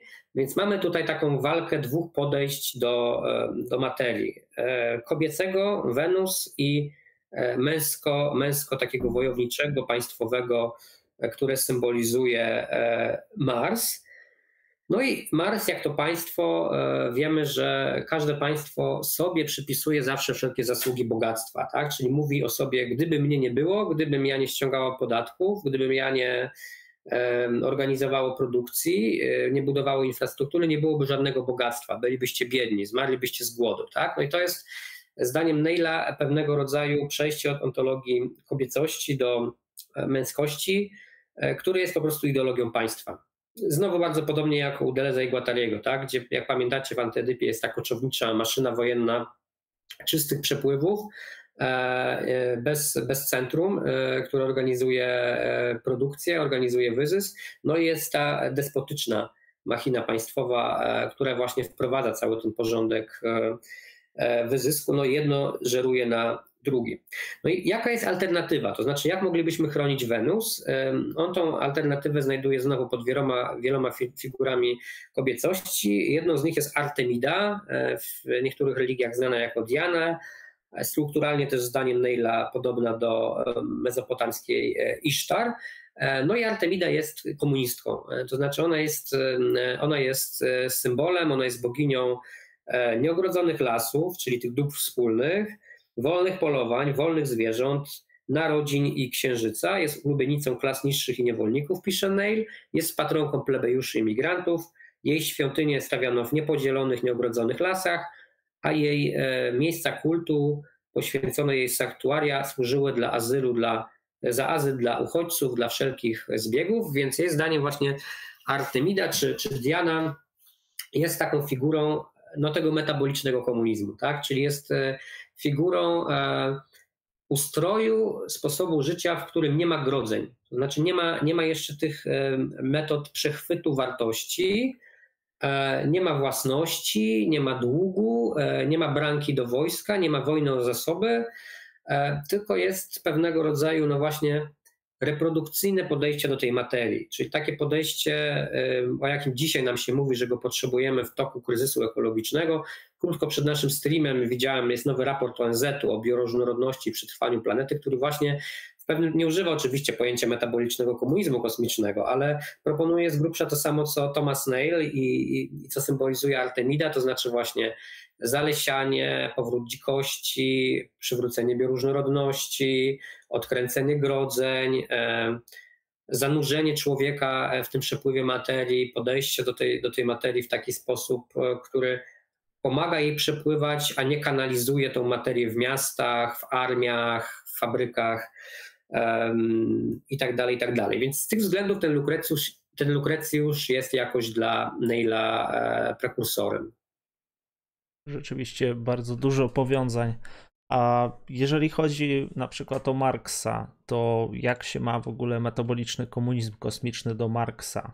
To u Marksa gdzieś e, coś podobnego się pojawia? Oczywiście nie chodzi o samo pojęcie, tylko o to, co może być podobnym do tego, o czym mhm. mówi.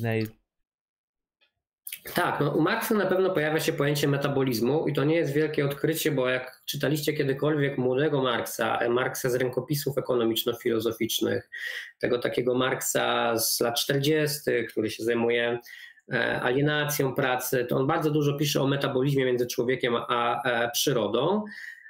No i zazwyczaj to jest właśnie tak tłumaczone mm, z niemieckiego e, i na angielski, na polski, jak, jak, jak czytałem młodego Marksa, mam wrażenie też, że ten człowiek i przyroda to są e, przeciwstawne sobie byty. Czyli tak jak u Hegla, podmiot i przedmiot i dążymy tutaj do jakiejś syntezy poprzez pracę.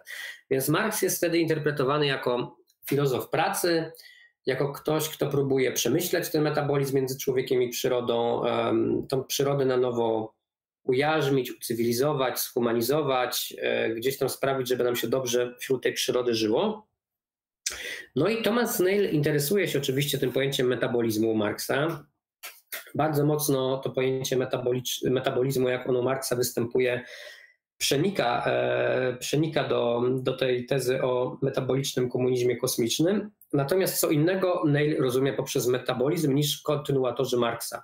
To znaczy on uważa, że my nie zrozumieliśmy tezy Marksa o metabolizmie, e, a między innymi dlatego, że żeśmy źle ten termin przekładali. Do, teraz, do tego zaraz e, przejdę e, szczegółowo, w jaki sposób należałoby ten metabolizm rozumieć. Ale zacznijmy może w tej książce o Marksie, Marx in Motion, Marx w ruchu. Jaką wizję Marksa w ogóle Neil nam wykłada? To znaczy, Neil zaczyna od tego, kim Marx na pewno nie był, mimo to, że tradycja filozoficzna zazwyczaj Marksa w taki sposób interpretuje. To znaczy, nie był deterministą dziejowym, po pierwsze, więc e, zdaniem Neila całkowitym nieporozumieniem jest e, myślenie, że Marx miał jakąś wizję kolejnych epok historii, feudalizm, kapitalizm, komunizm, jakiegoś koniecznego przejścia. Nie, dla Neila Marx jest przede wszystkim filozofem ruchu, materii, która jest w ruchu, w związku z tym jest filozofem który ma otwarty umysł, jeśli chodzi o przeszłość i ma stosunek do historii taki, jak już wykładałem. To znaczy, ta historia jest e, pewnym zwinięciem materii, która już była, ale też idei, trendów, które już były po to, żeby stworzyć coś nowego. Nie jest również Marx, zdaniem e, Neila, redukcjonistycznym materialistą. To znaczy, nie jest e, tym filozofem, który uzależnia przyszłe społeczeństwo od tego, ile wytworzymy, ile węgla wykopiemy w fabrykach albo ile stali wytopimy w hutach, tak jak to w Związku Radzieckim uważano. Jego podejście e, do materii jest dużo bardziej e, zniuansowane, to znaczy zdaniem e, Neila Marx, jak na myśliciela z połowy XIX wieku, jest niesamowicie wyczulony na problematykę ekologiczną. To też widać po tym, kogo Marx czytał w swoim czasie. Interesował się po prostu nurtami, które w owym czasie, w czasie, który się zachwycał e, potencjałem produkcyjnym człowieka, nie wierzył w kryzysy ekologiczne, był bardzo wyczulony na problematykę antropologiczną. Nie antropologiczną, tylko ekologiczną, przepraszam, a, a powiedziałam antropologiczną, bo, bo trzecia rzecz tutaj, którą Neil e, próbuje podważyć, to jest to, że Marx nie jest myślicielem antropocentrycznym. To znaczy, nie jest Marx myślicielem, który uważa, że proletariat e, jest tą uniwersalną klasą ludzkości, która prze, przebuduje cały świat e, i, i będzie zarządzał e, w zasadzie wszystkim, tak? Klimatem, tym, co jest w oceanach, uwalniał będzie świat od entropii i tak dalej, jak się pojawiał w jakichś najbardziej odjechanych radzieckich pomysłach. Nie, że u Marksa nie ma tego rodzaju kultu przekształcenia wszechświata przez człowieka, nie ma żadnego kultu produkcji, tylko jest bardzo zniuansowane, bogate rozumienie metabolizmu, e, w który człowiek jest wrzucony. No i przede wszystkim, e, zdaniem Neila, dzieje się tak dlatego, że Marx zaczynał jako epikurejczyk, w tym swoim doktoracie, epikurejczyk zapośredniczony przez oczywiście Lukrecjusza. No i to jest coś, co go na całe życie ukształtowało. Tą filozofię ruchu Marksa z różnych względów e, zaniedbano, zarówno dlatego, tak jak mówiłem, ten jego doktorat nie był popularny, długo nie był publikowany. E, dużo bardziej e, wpływowy wykład na temat filozofii przyrody i ruchu w przyrodzie to była praca Engelsa, która była taka popularyzatorska, ale zdaniem Neila to, jak Engels podchodził do problematyki przyrodoznawczej, nie miał nic wspólnego z tym, jak robił to E, Marx. No i oczywiście też różne pseudonaukowe koncepcje e, dialektyczne, jak e, wypisy Stalina na temat tego rodzaju problematyki, no w ogóle skompromitowały też w takim marksizmie filozoficznym, krytycznym, zachodnim, w ogóle tę problematykę ruchu i takiego materializmu kinetycznego, jak nazywa to Neil, no ponieważ źle się kojarzyły. Tak jak ktoś się tym zajmował, to się to kojarzyło, że jakiś kolejny koleś, któremu odbiło, e, jakiś nowy Stalin nam się narodził, więc filozofowie bali się e, tej e, problematyki. No i teraz, dlaczego Marx jest tak ważny dla Neila? Dlaczego on jest takim przełomowym filozofem ruchu? To już widać jego zdaniem właśnie na etapie tego młodego Marksa, na etapie dysertacji doktorskiej, rękopisów paryskich, tych wszystkich młodocianych pism, wraz z pojawieniem się tej problematyki metabolicznej, która była wtedy no taką nowinką, e, nowinką e, w przyrodoznawstwie. Wiemy nie tylko od Neila, ale od wielu ekomarksistów, na przykład od Johna Bellamiego Fostera, że w tym okresie Marx na przykład bardzo interesował się mm, agrochemią, czytał takiego wpływowego niemieckiego agrochemika von Liebisia i od niego prawdopodobnie to pojęcie w ogóle metabolizmu przejął. Po niemiecku e, ten e, metabolizm e, to jest Stoffwechsel. Ten termin tak brzmi i zaraz przejdę do tego, jak zdaniem Neila należy go poprawnie przekładać, żeby zrozumieć, czym metabolizm dla Marksa jest. No oczywiście najbardziej typowa wykładnia metabolizmu Marksa to jest taka kryptoheglowska. To znaczy tak jak w dialektyce jest podmiot, ten człowiek, jest przedmiot, ta przyroda, poprzez pracę następuje między nimi jakaś synteza, dialektyczne przetworzenie i tak dalej, i tak dalej. Więc oczywiście dialektycy powiedzą, że to jest zarówno separacja między podmiotem i przedmiotem, jak i jedność przedmiotu i podmiotu, jedność przeciwieństw powiedzą, że to jest, więc będą grali z tym dialektycy e, przeciwieństwem i e, jednością.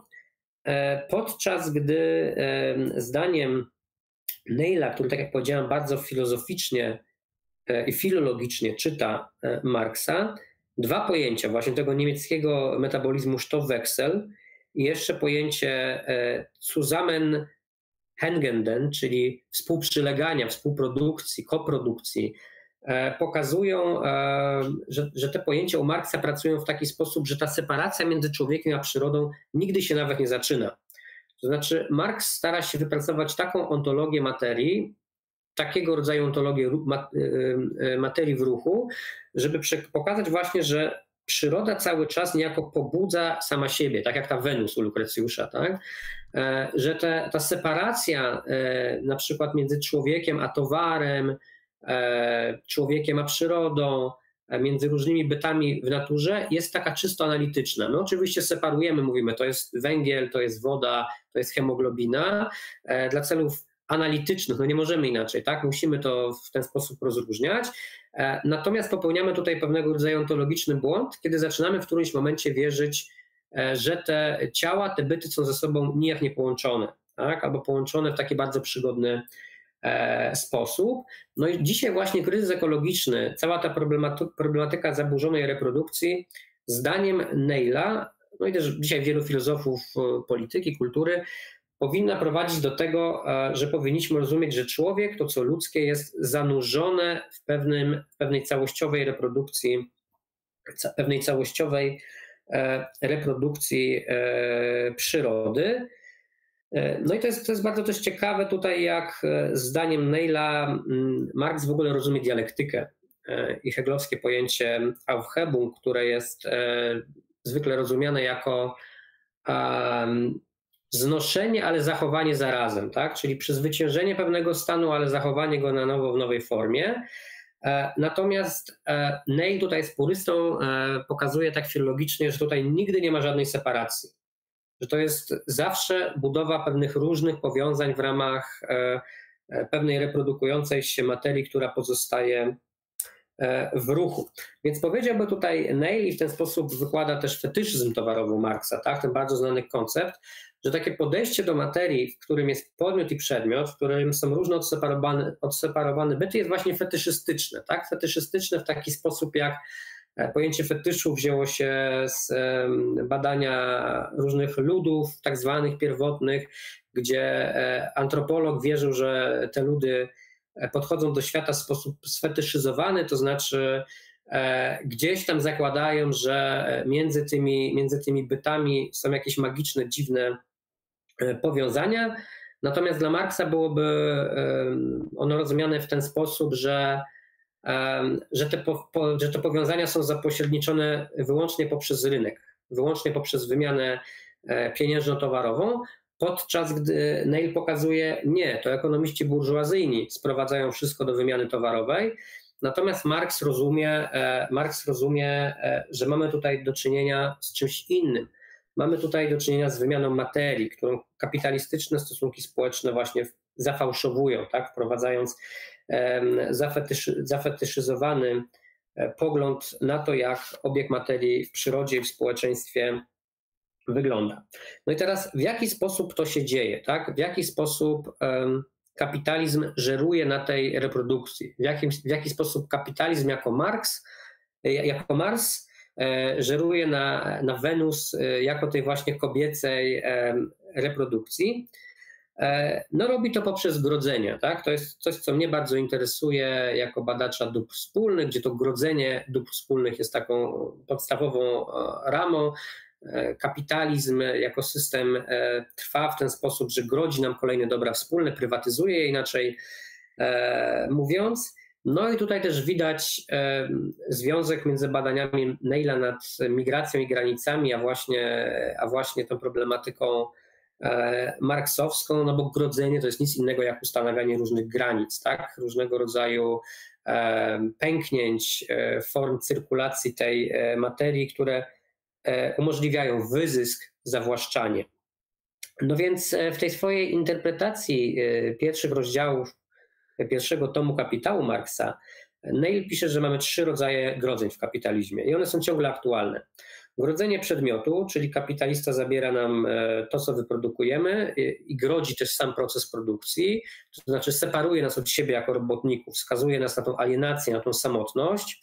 Druga e, sprawa, grodzenie samej aktywności pracy, to znaczy czujemy, że praca, którą wykonujemy jest nam obca, że jesteśmy do niej e, przymuszeni. W związku z tym mówię, to jest moja praca jako pewien przedmiot naprzeciwko mnie podmiotu, ja dopiero w ramach e, pewnej aktywności, którą podejmuje się, zespalam na nowo z tym e, przedmiotem, podczas gdy w rzeczywistości materialistycznej nigdy nie ma całkowitej separacji między mną a, e, a moją pracą i moim przedmiotem.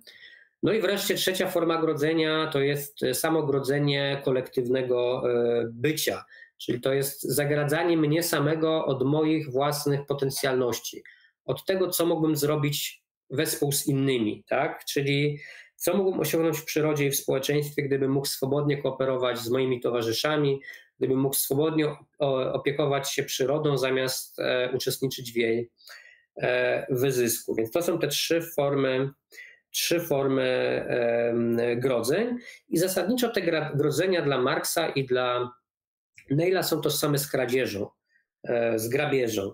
E, I ta kradzież wygląda w taki sposób, że przede wszystkim ustanawia się różnicę między prawdziwą pracą, a czymś, co jest darmowym darem przyrody, kobiet, niewolników i dzieci, i ludów kolonialnych, zasadniczo tych pięciu grup.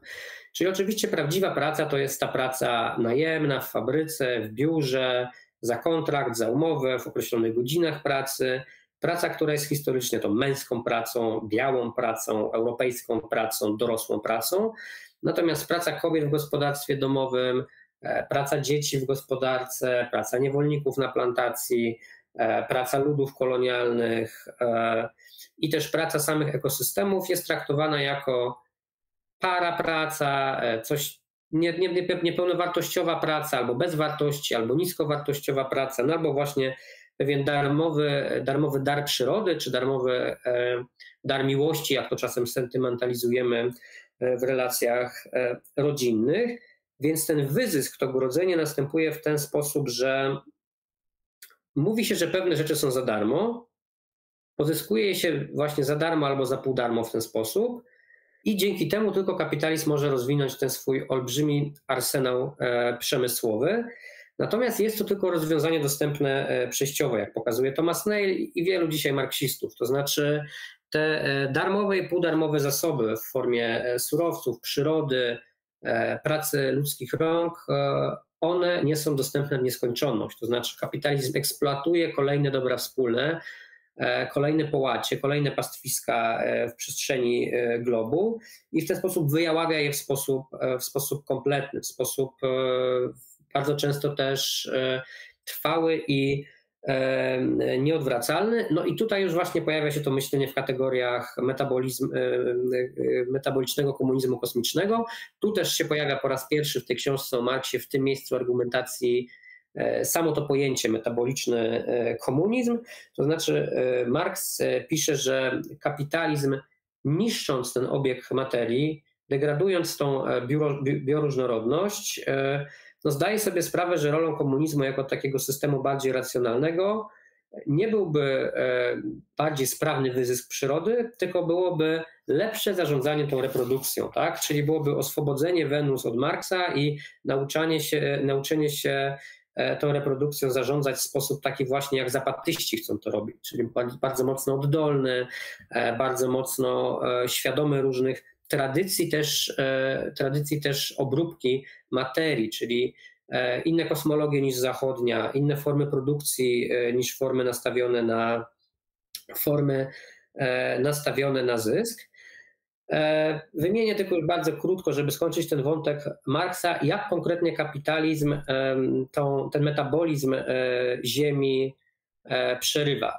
Pierwsza kwestia to jest przez deskilling, czyli inaczej mówiąc utratę kwalifikacji wytwórców. Kapitalizm robi z nas sprzedawców takiej niewykwalifikowanej pracy, czyli niszczy na przykład tradycje rzemieślnicze, niszczy tradycje chłopskie, folklor, tradycje kobiece, kobiet pracujących, przez co my jesteśmy e, dodatkiem do maszyny, do komputera, no bo nie wiemy, że można w ogóle współdziałać, produkować inaczej. E, druga kwestia technologiczna grabież ziemi, czyli kapitalizm coraz lepiej penetruje skorupę e, ziemską, oceany, atmosferę, wchodzi w jakąś geoinżynierię i tak dalej. Trzecia kwestia, dewaloryzacja statusu, czyli po prostu poprzez rasizm i seksizm antysemityzm, homofobię i tak dalej.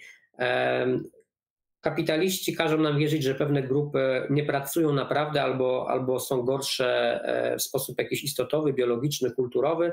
W związku z tym możemy im mniej płacić. E, tutaj oczywiście też e, migranci są też taką grupą. Stąd właśnie kolejna strategia to rozpowszechnienie pracy niewolniczej migranckiej. Migranci, wbrew temu, co mówi Donald Trump, są bardzo na rękę kapitalistom, bo są po prostu tanimi zdelegalizowanymi pracownikami. No i ostatnia e, strategia i w zasadzie konsekwencja tych wszystkich poprzednich strategii to jest trwała degradacja e, planetarnej e, przyrody. Więc to by były te strategie. No i podsumowując, Marx jest ważny dla Neila, bo jest kimś, kto, kto po, po, pomaga nam pokazać, jak dzisiaj historycznie rzecz biorąc kapitalizm degraduje materię, która jest w ruchu.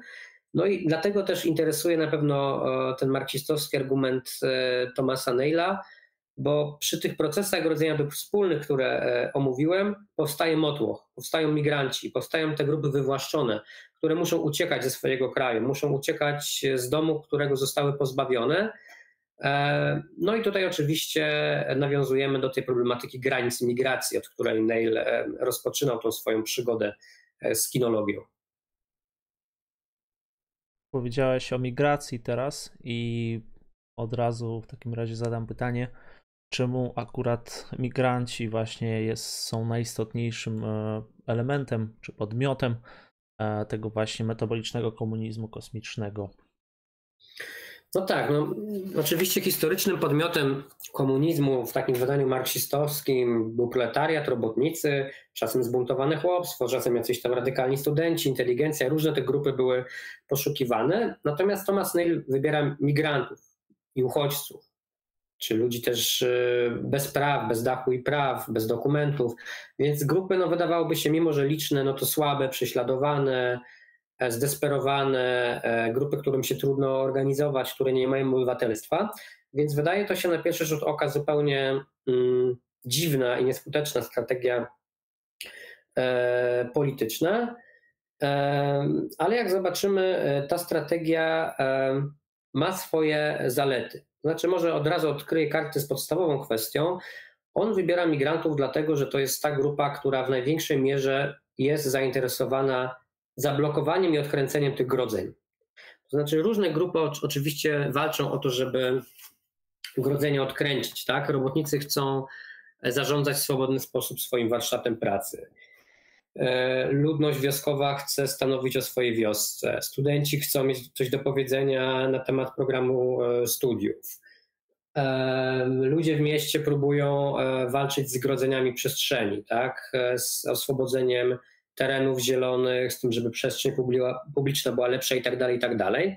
Wszystkie te grupy na pewno dla Neila są istotne. One, one są tym, co czasem nazywamy komonerami, czyli obrońcami dóbr wspólnych.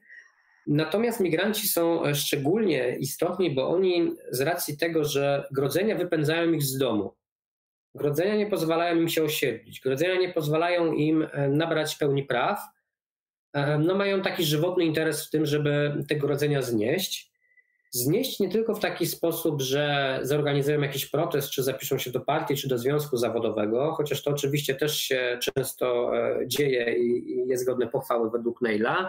Tak jak mówiłem, on sam tego rodzaju struktury tworzy w miastach kanadyjskich i amerykańskich i stale z nimi współpracuje. E, natomiast samym swym ruchem, tym co Neil nazywa siłą pedetyczną e, migrantów, taką niesfornością człowieka, która jest wpisana w ciało każdego z nas, zamiłowaniem do tego, żeby się przemieszczać, e, nieprzewidywalnością, możliwością schowania się, ucieczki, tańca, jakiegoś entuzjazmu, łączenia się z innymi itd., tak itd. Tak My jesteśmy e, jako ludzie no, takimi bytami pełnymi performance'u, pełnymi niesforności. W związku z tym migranci poprzez e, same swoje próby przekraczania granic i wy, wywalczania tym ruchem dla siebie pewnej swobody, pewnych praw, pewnych wspólnot ludzi, którzy nie mają wspólnot, właśnie tej nomadycznej solidarności, kwestionują grodzenia, tak? Kwestionują często w taki sposób oczywiście ulotny, no bo nie mają siły, żeby wysadzić mur Trumpa, chociaż czasem zdarza im się oczywiście, tak jak to ostatnio było w Afryce Północnej, e, takim nalotem na, na mur czy płot go rozsadzić e, ale obchodząc różne regulacje, pomagając sobie nawzajem, zmieniając tożsamość i tak dalej, budują te różne taktyki oporu, które nam obchodzą E, grodzenia. W związku z tym, jeżeli by nam zależało na tym, żeby otworzyć drogę do takiej właśnie różnorodnej współprodukcji, współprodukcji, która nie jest monokulturą, współprodukcji, która korzysta z różnych tradycji współpracy, też tradycji kulturowych, językowych, religijnych, narodowościowych i tak potrzebujemy, e, potrzebujemy e, migracji. Potrzebujemy migracji też dlatego, że te same grodzenia, które uczestniczą dzisiaj właśnie w tym wyzysku ziemi, i nieludzkiej materii, która jest w ruchu, zatrzymują na granicach migrantów. W związku z tym jest tutaj pewnego rodzaju wspólny interes w odkręcaniu tych grodzeń.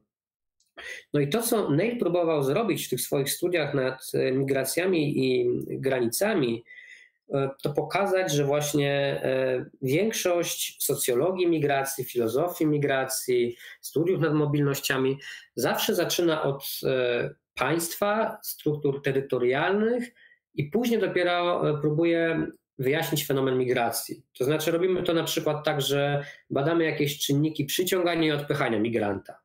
E, czyli jedno państwo przyciąga, drugie odpycha. Albo ewentualnie, no oczywiście robimy wywiady z migrantami i pytamy, czemu wymigrowałeś, i zawsze jest jakiś powód, żeby wejść w ruch. Natomiast Neil chce zrozumieć samą strukturę ruchu, który jest prymarny e, i pomaga tym migrantom się przenosić. Innym razem oczywiście ich blokuje, no, no czyni to poprzez, e, czyni to poprzez, czyni to poprzez granice. No i to, co on próbuje pokazać e, w tych swoich książkach o migracji i granicach, to jest to, że każda kolejna forma migracji, jaka miała miejsce w historii, była powodowana e, takim mechanizmem, takim procesem, który on nazywa ekspansją systemu poprzez ekspulsję, czyli mówiąc e, prościej, wzrastaniem systemu poprzez wyrzucanie ludzi z domów, tak naprawdę. Tak? Czyli zawsze pojawia się jakaś grupa, która musi zostać wypędzona, ponieważ system kapitalistyczny w tym wypadku, ale też różne państwa, różne systemy wyzysku, które znamy z historii, one muszą się rozrastać. One chcą przejąć cudze zasoby za darmo lub pół darmo, no i one potrzebują też jakiejś darmowej siły roboczej, czy to niewolników, sługów, najemników, żołnierzy, proletariuszy i tak dalej. W związku z tym są to takie nawracające fale wywłaszczeń, właśnie ustanawiania tych grodzeń poprzez granice, które ludzi e, wprawiają w ruch, wyrzucają ich e, z domostw i czynią z nich migrantów. No i to, co jest bardzo fajne w tych obu książkach, to jest to, że Neil próbował przeanalizować różne historyczne formy migranta i różne historyczne formy e, granicy, czyli cztery historyczne formy migranta u niego to jest nomada, barbarzyńca, włóczęga i proletariusz. I cztery historyczne formy granicy to jest płot, mur, komórka i i punkt kontrolny. No i on pokazywał w historii, jak to się działo, e, że najpierw e, byli nomadzi, zatrzymywały ich płoty, później powstali barbarzyńcy, mierzyli się z murami, następnie włóczędzy byli e, tutaj zasysani, przetrzymywani w różnych komórkach, komórkach, które on rozumie za Foucaultem jako te instytucje dyscyplinarne, instytucje zamknięcia, jak szpitale, E, jakieś e, przytułki, domy poprawcze, szkoły, fabryki. E, no i wreszcie ostatni, najbardziej współczesny przypadek to są proletariusze i rozmaite punkty kontrolne, czyli różne takie reżimy policyjne, które dzisiaj mamy w naszych aplikacjach, komórkach, w satelitach, w dronach, w bazach biometrycznych, które też tym ruchem sterują. Co ważne, to, że nomada i płot to są formy prehistoryczne, to nie znaczy, że dzisiaj nie ma nomadów i płotów. E, to, że barbarzyńca i mur to forma starożytna, to nie znaczy, że dzisiaj nie ma barbarzyńców i murów. To, że włóczęga i komórka to formy średniowieczne, feudalne, to nie znaczy, że dzisiaj nie ma włóczęgów i komórek. No i wreszcie to, że proletariusz i punkt kontrolny to forma głównie XIX-wieczna, to nie znaczy, że dzisiaj ich nie ma. Jest wręcz przeciwnie, to znaczy próbuje Thomas Neil pokazać, że wszystkie te cztery formy, one dzisiaj istnieją we współczesnym świecie, mało tego, są rozpowszechnione bardziej niż kiedykolwiek, wchodzą co więcej ze sobą w różne ciekawe relacje, budują coś, co on nazywa reżimami cyrkulacji, czyli reżimami zarządzania ruchem, zarządzania tą ludzką e, materią. No i nie będę tutaj może, nie ma już też czasu, konkretnie wyjaśniał, czym jest proletariusz, czym się różni od nomady. Neil to bardzo fajnie, jasno e, wyjaśnia. Powiem tylko może jeszcze e, a propos tego wątku, żeby go zamknąć, co e, w migrantach Neila inspiruje. Już trochę o tym mówiłem, ale chcę to do, dookreślić. Jego zdaniem oni tworzą coś, co on nazywa oddolnym ruchem społecznym. To znaczy, my zazwyczaj e, myśląc o ruchach społecznych, myślimy o pewnych grupach, które organizują protesty, demonstracje, mają jakieś flagi. Tymczasem migranci są pewnego rodzaju ruchem społecznym na dużo bardziej takim kinopolitycznym, ucieleśnionym poziomie. Sam fakt, że oni są i że oni są w ruchu sprawia, że oni są ruchem społecznym. No, są w ruchu, więc ruchem społecznym, to w zasadzie jest oczywiste, nawet w języku polskim to się to zdanie ładnie nam składa, samo siebie uzasadnia. No i jego zdaniem te, te grupy stawiają trzy żądania w walkach migranckich, ale też poprzez sam fakt bycia w ruchu, które e, składają się na taki spójny program odkręcenia tych grodzeń. Po pierwsze, walczą o prawo do azylu, czyli do tego sanktuarium Artemidy, powiedzielibyśmy. Po drugie, tworzą sieci solidarności, czyli nawiązują do tego e, Asabija u Im Khalduna i koczowniczej maszyny wojennej u Deleza, tej solidarności nomadów. No i po trzecie, e, proponują radykalnie inkluzywne obywatelstwo. Radykalnie inkluzywne obywatelstwo nie znaczy tylko w tej mierze, że na przykład jak ktoś dotrze do Polski, to mamy mu dać od razu polski paszport. To też jako jakaś tam mniej zadowalająca perspektywa oczywiście pojawia się w walkach migranckich, ale raczej chodzi o obywatelstwo dla tych wszystkich, którzy nie mają wspólnoty. Czyli wracają nam znowu ci zapatyści e, i ten świat, w którym mieści się wiele światów, świat, w którym mieszczą się także ci, którzy zostali przez historię zapomnieni, stłamszeni, wygonieni z domów i tak dalej. No i w tym sensie migranci są ruchem komunistycznym. Tak? Komunistycznym na zasadzie dążności do współbycia, odblokowania tych przepływów materii, zniesienia tych e, grodzeń i urzeczywistnienia takiego pełnego potencjału wspólnoty bezpośrednich wytwórców.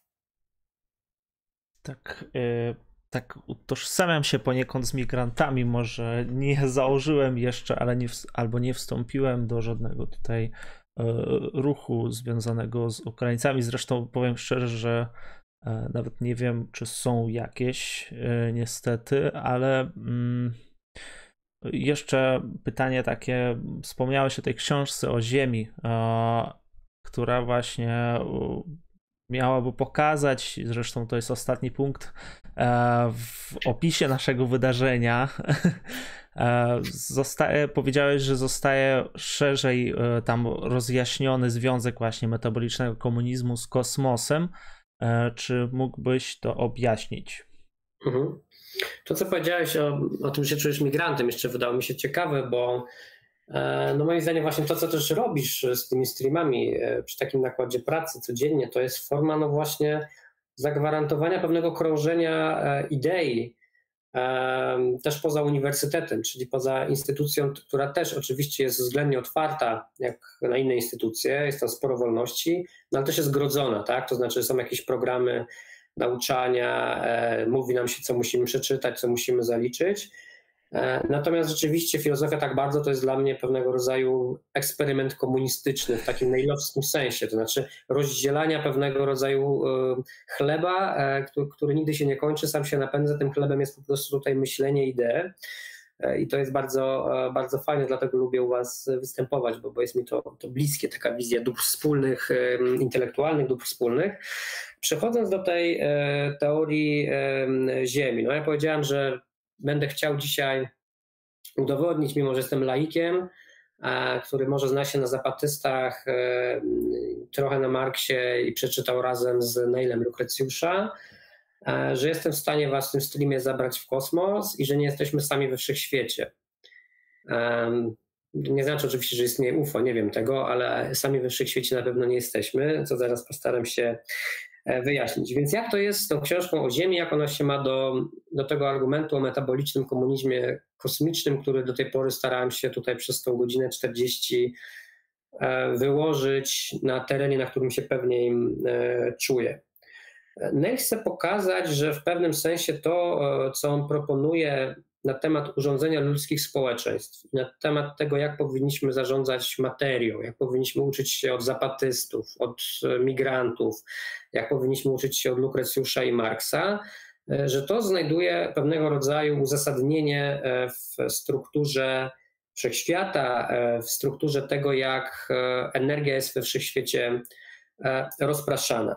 Ta jego książka Teoria Ziemi się składa z dwóch części. Pierwsza część jest dłuższa, jest bardzo malownicza, no i generalnie ja po jej lekturze miałem trochę zlasowany mózg, to znaczy było to dla mnie niesamowicie e, przyjemne, bo zawsze jak się jest laikiem i się coś czyta, jest dobrze napisane, to się to dobrze czyta.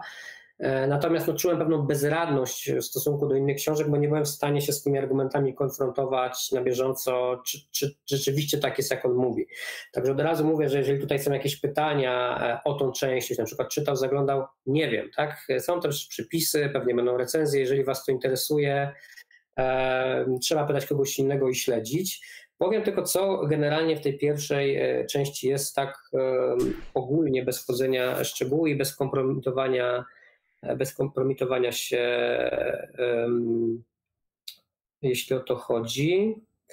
Generalnie mamy tam taką próbę rekonstrukcji historycznego przepływu materii we wszechświecie. To znaczy jest to taka cała opowieść, którą pewnie też znamy z różnych programów e, przyrodniczych gdzieś tam na Discovery albo jakichś takich popularno-naukowych e, książek.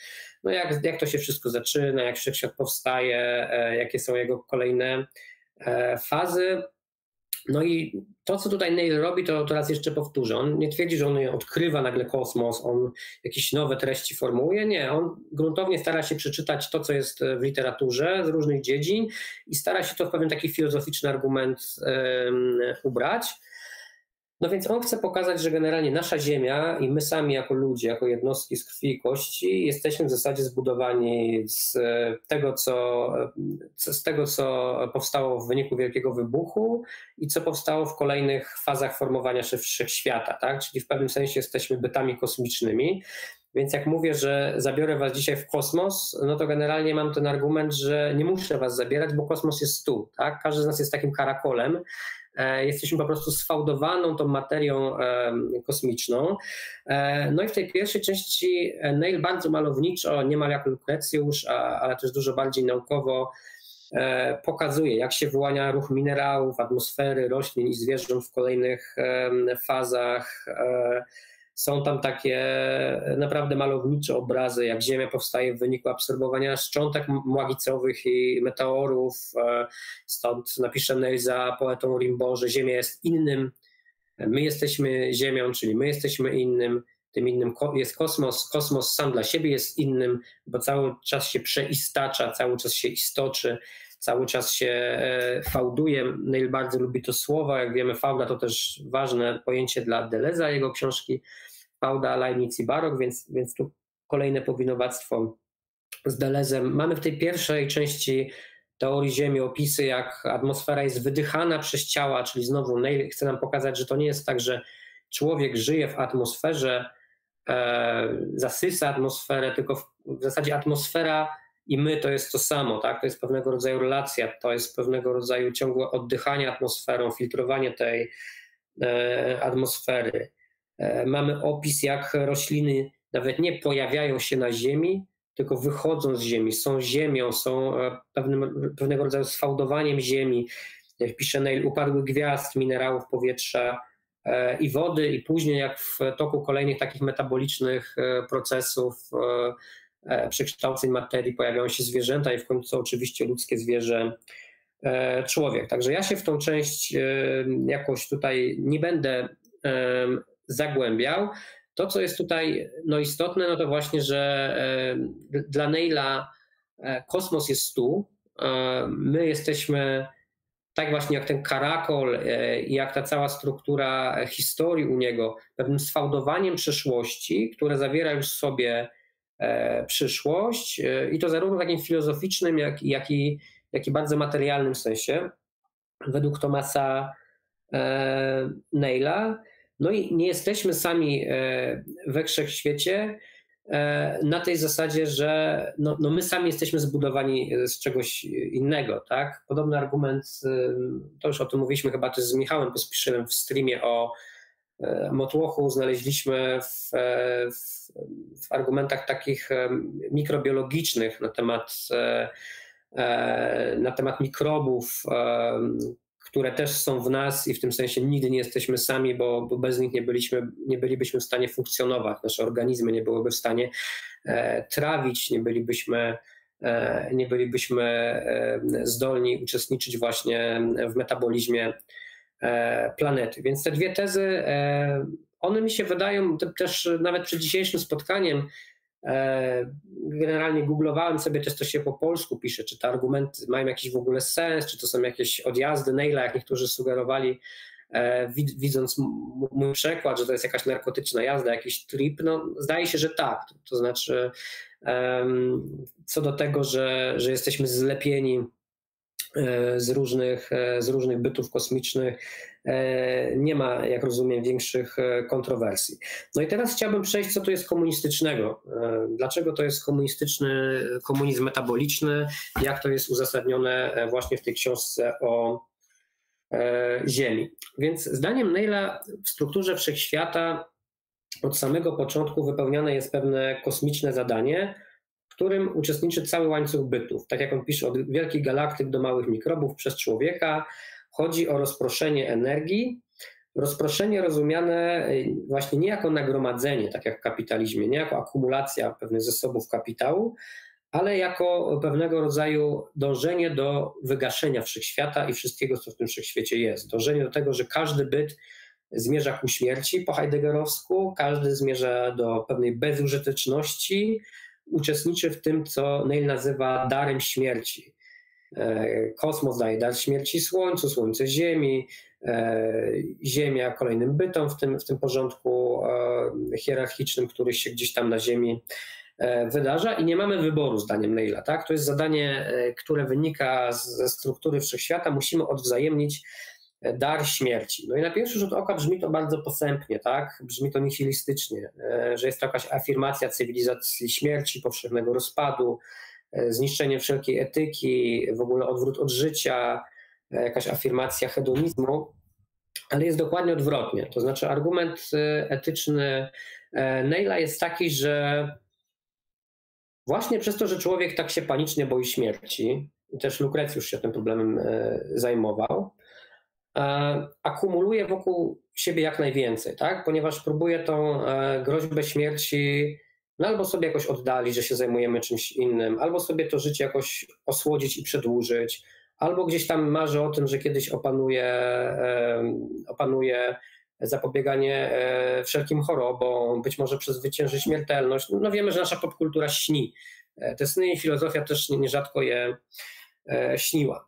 Problem polega na tym, że e, afirmując życie właśnie w taki obsesyjny sposób, jak napisze Neil, e, z takiego obsesyjnego strachu przed śmiercią, no my właśnie produkujemy stroje społeczne, systemy wyzysku, a dzisiaj jest takim systemem kapitalizm, który jest bardzo niezrównoważony ekologicznie, które skracają życie na Ziemi. Nie tylko ludzkie, ale generalnie no, osłabiają zdolność całej planety do, do reprodukcji tu znowu chyba nie ma kontrowersji tak, co do tego, że zmiany klimatyczne istnieją, że kryzys bioróżnorodności istnieje, że zasoby się e, kurczą, więc do Neil się odnosi. Więc paradoksalnie, dążąc do tego przetrwania, do tej akumulacji życia, e, my wyjaławiamy, wyjaławiamy pewien e, ziemski potencjał. Natomiast zdaniem Neila, gdybyśmy odwrócili e, te proporcje, gdybyśmy dokonali pewnej inwersji argumentu, gdybyśmy zaakceptowali to, że jesteśmy bytami śmiertelnymi, moglibyśmy e, afirmować to nasze zadanie rozproszenia energii we wszechświecie. To znaczy po prostu zaakceptowalibyśmy to, że naszym zadaniem kosmicznym jest przesuwanie tego daru śmierci, obdarzanie śmiercią innych ale nie tej, na tej zasadzie, że teraz wymordujmy wszystkie zwierzęta, wyeksploatujmy wszystkie kopalnie, zniszczmy wszystkie rośliny, tylko wręcz przeciwnie.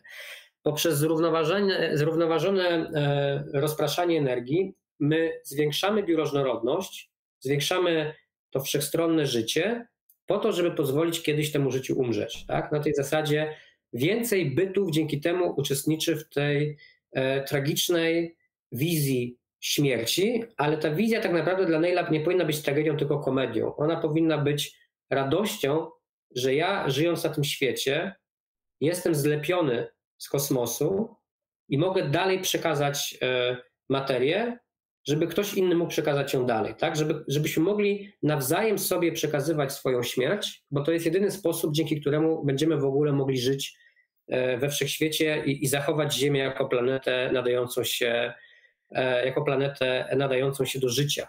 Więc w pewnym sensie mam pewien kosmiczny dług, jak się rodzę, będąc zlepionym z materii i uczestnicząc w tym rozpraszaniu e, energii. I to, żeby ten dług mądrze uspołecznić, żeby to zrobić, ja muszę wspierać bioróżnorodność. Tak? Ja nie mogę akumulować w taki sposób, jak to robi kapitalizm, czyli przekładać takie zaburzenie metabolizmu dla samego zaburzenia met metabolizmu.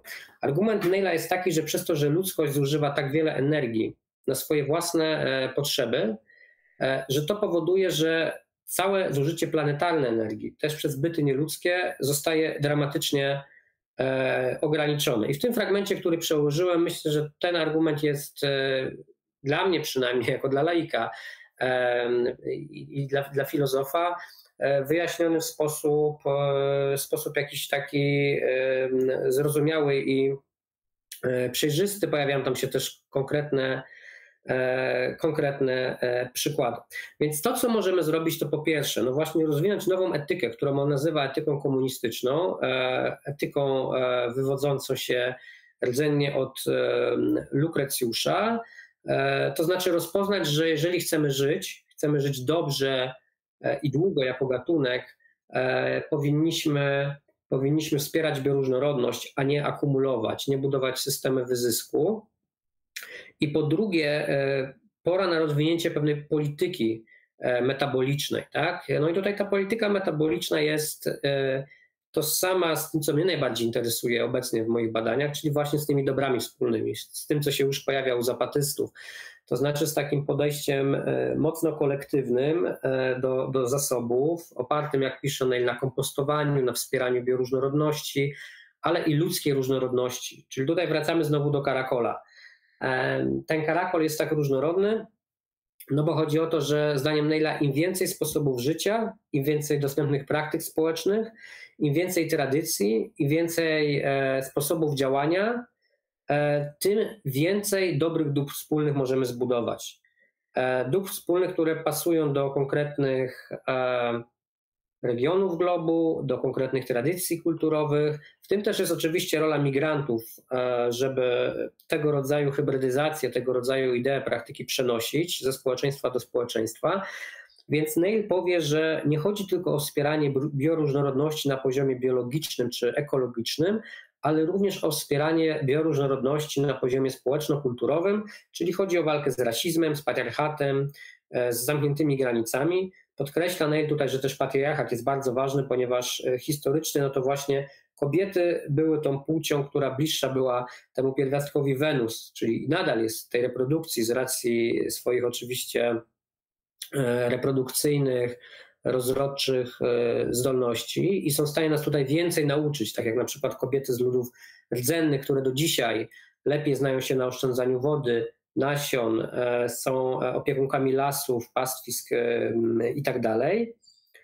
Więc te dobra wspólne, które powinniśmy budować, ten oddolny komunizm powinien być zawsze komunizmem bardzo różnorodnym, kolorowym, pstrokatym, no bo generalnie na tym polegałaby ta afirmacja tej zasady rozpraszania energii w kosmosie w taki sposób, który jest bioróżnorodny, tak? Skoro ten kosmos jest w nas i jest tak różnorodny, bo tak się złożyło, no to naszym e, zadaniem kosmicznym e, jest e, wspieranie tego metabolizmu właśnie poprzez wspieranie różnorodności, więc konkludując powiedziałbym, że to, czego nam według Neila potrzeba, to jest właśnie rozpoznanie naszej roli jako tych karakoli. Rozpoznanie tego, że jesteśmy kosmosem i że naszym zadaniem jest zwinięcie przyszłości w teraźniejszość w mądry sposób, oparty właśnie na różnorodności, na jakiejś takiej równowadze ekologicznej, po to, żeby mogła istnieć jakakolwiek przyszłość. Przyszłość oczywiście nie tylko kosmiczna, w której ludzi nie ma, głucha, e, przerażająca nas, napawająca nas metafizycznym strachem, horrorem, no ale też y, wizja kosmosu, w której jednak jeszcze jest miejsce dla, dla człowieka, w której jest miejsce na pokonanie kryzysu ekologicznego. Więc tak bym to wyjaśnił i tak bym skonkludował całą tą e, drogę, którą Thomas Neil obrał w tych swoich kolejnych książkach.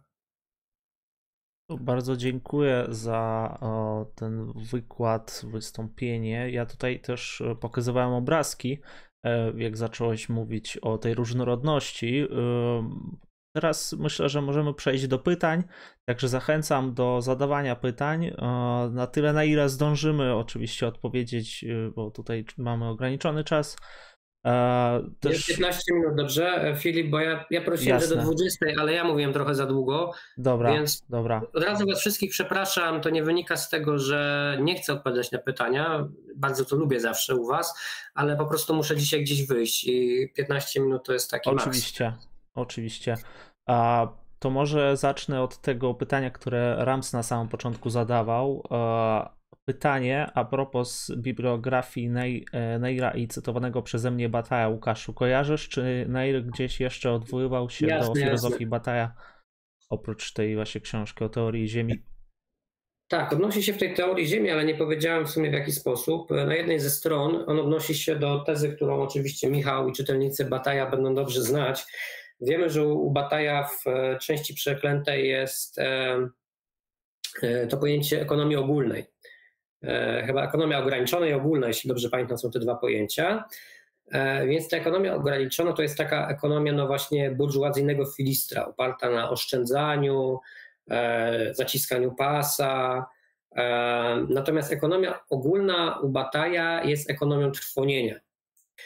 No i wiemy, że Bataille odnosi tam się do kosmicznych jakichś swoich wizji, to znaczy pisze, że tak jak Słońce jest takim wielkim rozproszycielem e, światła.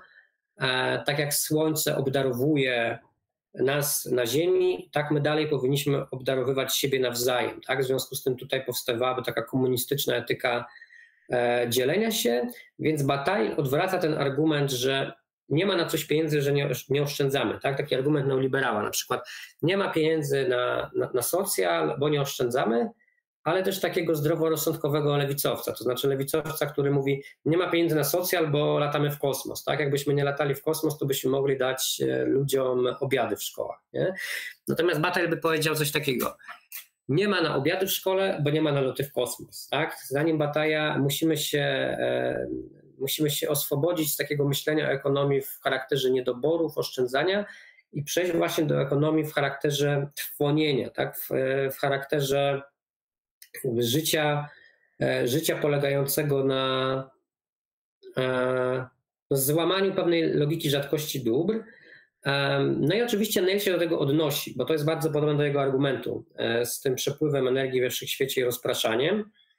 Natomiast to, gdzie Neil się różni z Batajem i pisze o tym wyraźnie, to, że Bataj zachowuje antropocentryczne podejście do tego rozpraszania energii. To znaczy jest u niego to Słońce, są te planety, natomiast to, co się już dzieje na Ziemi, e, no to zdaniem Bataja dotyczy tylko ludzi. Tak? U, u Bataja nie ma, przynajmniej zdaniem Neila, musiałby wrócić do Bataja i to sprawdzić, ale nie sądzę, żeby tutaj Neil miał e, powód, żeby się z Batajem na siłę nie zgadzać. Pewnie wolałby, wolałby z nim znaleźć sojusznika. Neilowi będzie przeszkadzało to, że w tym rozpraszaniu e, tej energii nie biorą udziału na Ziemi byty E, nieludzkie, więc na tym polegałaby ta różnica. Mhm. E, jeszcze jest dużo takich komentarzy, które nie wiem czy czytać, ale no nie, ma, nie, ma, nie ma w tym pytań, aczkolwiek może teraz przeczytam Marcin Zarot, ale bioróżnorodność po katastrofie klimatycznej może spokojnie być całkiem duża, tylko to nie będą warunki odpowiednie do utrzymania życia rozumnego. Mm, to jest zbyt szybkie założenie co do biologii. Jestem za wzmożeniem bioróżnorodności. To jeszcze było. Mhm. No tak, tak. Znaczy też generalnie to, co jest ciekawe w tej książce Neila i trochę takie kontrintuicyjne, jak się jest takim ekologiem zdroworozsądkowym, no to myślimy, że generalnie katastrofy ekologiczne są czymś fatalnym dla życia na Ziemi. Tak? No oczywiście jak się nad tym głębiej zastanowimy, to zdamy sobie sprawę, że często jest odwrotnie, tak, że one są momentem wyzwolenia jakby nowych energii życia. E, w związku z tym e, też się pojawiają jakieś takie wizje posthumanistyczne na przykład, albo postapokaliptyczne dzisiaj w filozofii, tak, że to jest wszystko antropocentryczne, że my się tak boimy katastrofy klimatycznej, może człowiek wyginie, ale zacznie się nowe życie, ono będzie nieludzkie, ale może będzie bardziej, bardziej dla planety, nie wiem, pełniejsze, tak, bardziej różnorodne.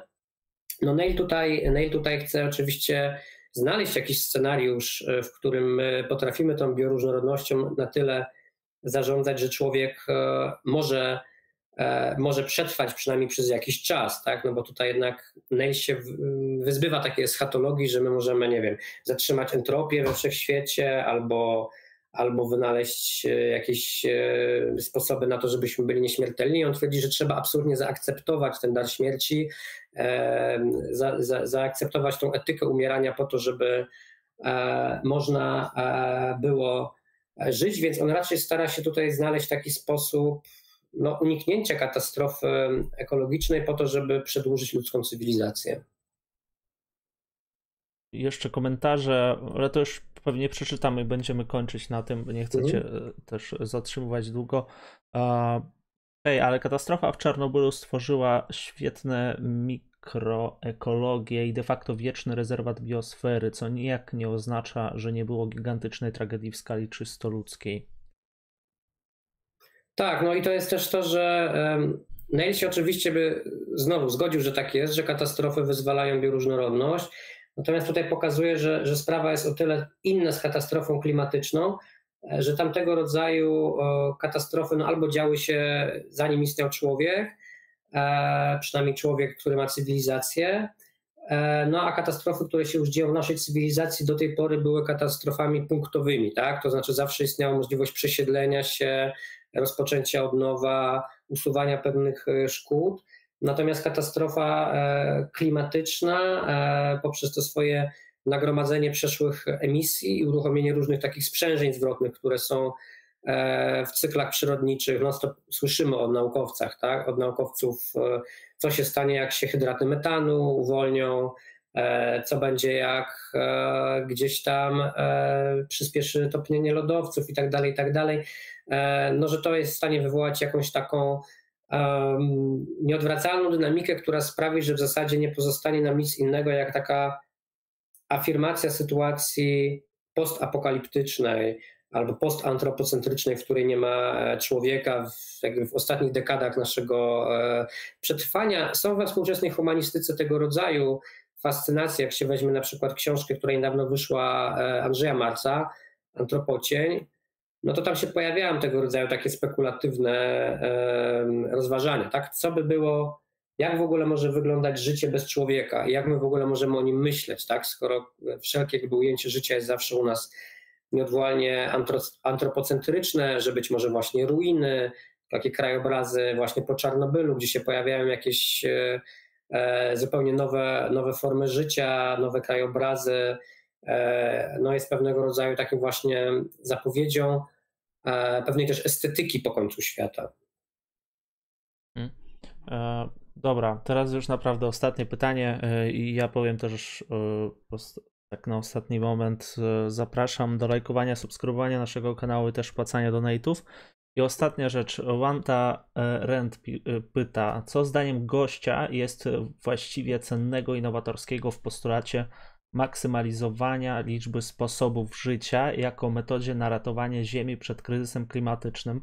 Czym to się właściwie oprócz e, piętrowego kosmicznego uzasadnienia różni się od myśli ekosystemy powinny być różnorodne, a multikulti spoko? Mhm. E, myślałem nawet o tym przed dzisiejszym spotkaniem, czy takie, takie pytanie padnie. E, po pierwsze, wydaje mi się, że rzeczywiście można by o tym metabolicznym komunizmie kosmicznym mówić u Neila bez tej książki o Ziemi. To też dzisiaj staram się pokazać, tak? Jako, jako ktoś, kto się nie zna na e, naukach o Ziemi, na astronomii, e, próbowałem to wyjaśnić z innej strony i w zasadzie można dojść e, do, do tych samych wniosków bez tego piętrowego argumentu. Słusznie, że zostało nazwane. Więc po co ten argument jest wpleciony w, w, w, tę książkę o Ziemi? No wydaje mi się, że jest to po prostu odzwierciedlenie jakichś jego naukowych zainteresowań, dla projektu politycznego nie ma to większego znaczenia. Natomiast mam tutaj jedną wątpliwość, żeby trochę jednak bronić tej książki z takiej politycznej perspektywy. Tu, gdzie widzę jakąś, jakąś różnicę, jeśli chodzi o projekt polityczny, to jest w tym fragmencie też, który przetłumaczyłem. On tłumaczy, dlaczego podejście takiej głębokiej ekologii albo ekologii e, konserwacjonistycznej, czasem to jest tak nazywane, jest mylne. No bo na pierwszy rzut oka to, co ja w ogóle badam i mnie interesuje, czyli ta dobra, dobra, dobra wspólne, e, wspólnoty probiotyczne, czasem to nazywamy wspólnoty, które wzmacniają swoją odporność i bioróżnorodność wokół siebie, może się wydawać takim podejściem typowym właśnie raczej dla ekologii głębokiej, raczej takim podejściem, że człowiek za bardzo naruszył równowagę we wszechświecie, e, w przyrodzie, e, za bardzo uszczuplił zasoby, w związku z tym musi wrócić do takich tradycyjnych wspólnot, do, e, do takiego zrównoważonego modelu życia. I w sumie jak czytałem Neila jeszcze jego poprzednie książki, to się właśnie zastanawiałem, czy on gra w tym zespole, czy on jest takim tradycjonalistą, bo, bo część jego argumentów wskazywała, no że tak, no bo jara się tymi zapatystami, interesuje się jakimiś tam wspólnotami migranckimi. Z drugiej strony jest takim mocno scjentystycznym gościem, który właśnie e, nie za bardzo wchodzi e, w takie argumenty, które u innych autorów mi bliskich znajduje, jak nie wiem, Silvia Federici, która pisze o zaczarowaniu świata, Wanda Shiva, która, która pisze E, o jakichś tam rdzennych, rdzennych podejściach do e, banków nasion i tak dalej, i tak dalej, że u Neila jednak widać taką scjentystyczną, e, scjentystyczną skłonność. No i ta książka o Ziemi daje nam pewną odpowiedź, kim on jest. To znaczy, wydaje mi się, że na pozór ta wizja tych oddolnych dóbr wspólnych, tego kompostowania, tego wzmacniania tych tradycyjnych wspólnot kosmologii, też sposobów życia, ona jest bliska właśnie takim autorem jak Federici i Shiva, ale pod jednym istotnym względem ona się różni. No ona się różni dlatego, że e, zdaniem Neila nie jest prawdą to, że e, człowiek e, zużywa zbyt dużo energii planetarnej. Problem polega na tym, że człowiek używa zbyt dużo, zużywa zbyt dużo energii planetarnej dla siebie, tylko i wyłącznie przez swoje struktury, Natomiast powinien prowadzić do tego, żeby e, to rozproszenie e, energii na poziomie planetarnym właśnie postępowało, bo ono wspiera bioróżnorodność. Prymitywista ekologiczny by tego, wydaje mi się, nigdy nie powiedział. To znaczy, on by powiedział, powinniśmy się wycofać, powinniśmy nie ingerować w naturę, powinniśmy generalnie zburzyć połowę miast, zamknąć wszystkie kopalnie, przestać latać samolotami i poczekać, aż przyroda zacznie nas zarastać. E, no i to jest pewien argument, e, który zdaniem Neila jest samobójczy. To znaczy, to, jest, e, to nie jest komunizm, tak? to jest generalnie rezygnacja z cywilizacji, to jest rezygnacja ze wszelkiej ludzkiej sprawczości. Komunizm metaboliczny jest jakby akceptacją tego zadania kosmicznego, które teraz mamy w związku z kryzysem cywilizacyjnym, który stworzyliśmy, więc jest też po to, żeby wykorzystać pewne naukowe narzędzia, jakie mamy. Jasne, wykorzystać w inny sposób, to znaczy nie przez geoinżynierię, nie przez korporacje, nie przez jakąś dyktaturę białych kitli, e, nie przez jakieś programy państw narodowych, tylko e, raczej ta nauka powinna zejść pod strzechy i powinna e, wspierać właśnie te dobra wspólne, te, te, te, małe, te małe wspólnoty, te, te e, też mocno często tradycyjne wspólnoty, to znaczy pożenienie kosmologii rdzennych na przykład z E, z najnowszą technologią dla Tomasa Neila jest czymś, e, za, za, za czym on by optował, tak? bo to jest taka właśnie beniaminowska wizja historii, w której możemy połączyć rzeczy z różnych porządków i w ten sposób e, stworzyć jakąś nową jakość. No jeszcze czym to się różni od multikulti? Myślę, że krótko się do tego odniosłem, ale być może nie było to wystarczająco wyeksponowane. To znaczy nie chodzi tu o takie samo wspieranie kolorytu dla kolorytu, tylko chodzi o wspieranie takiego kolorytu, który czyni wspólnotowość mocniejszą. Czyli nie chodziłoby na przykład o wspieranie małych tożsamości, które są takie egoistyczne, wsobne, są po to, żeby generować konflikt, są po to, żeby dzielić e, coraz mniejsze tożsamości na coraz mniejsze tożsamości, tylko chodziłoby o to, żeby zaczerpnąć z każdej małej drobinki tożsamości to, co wspólne.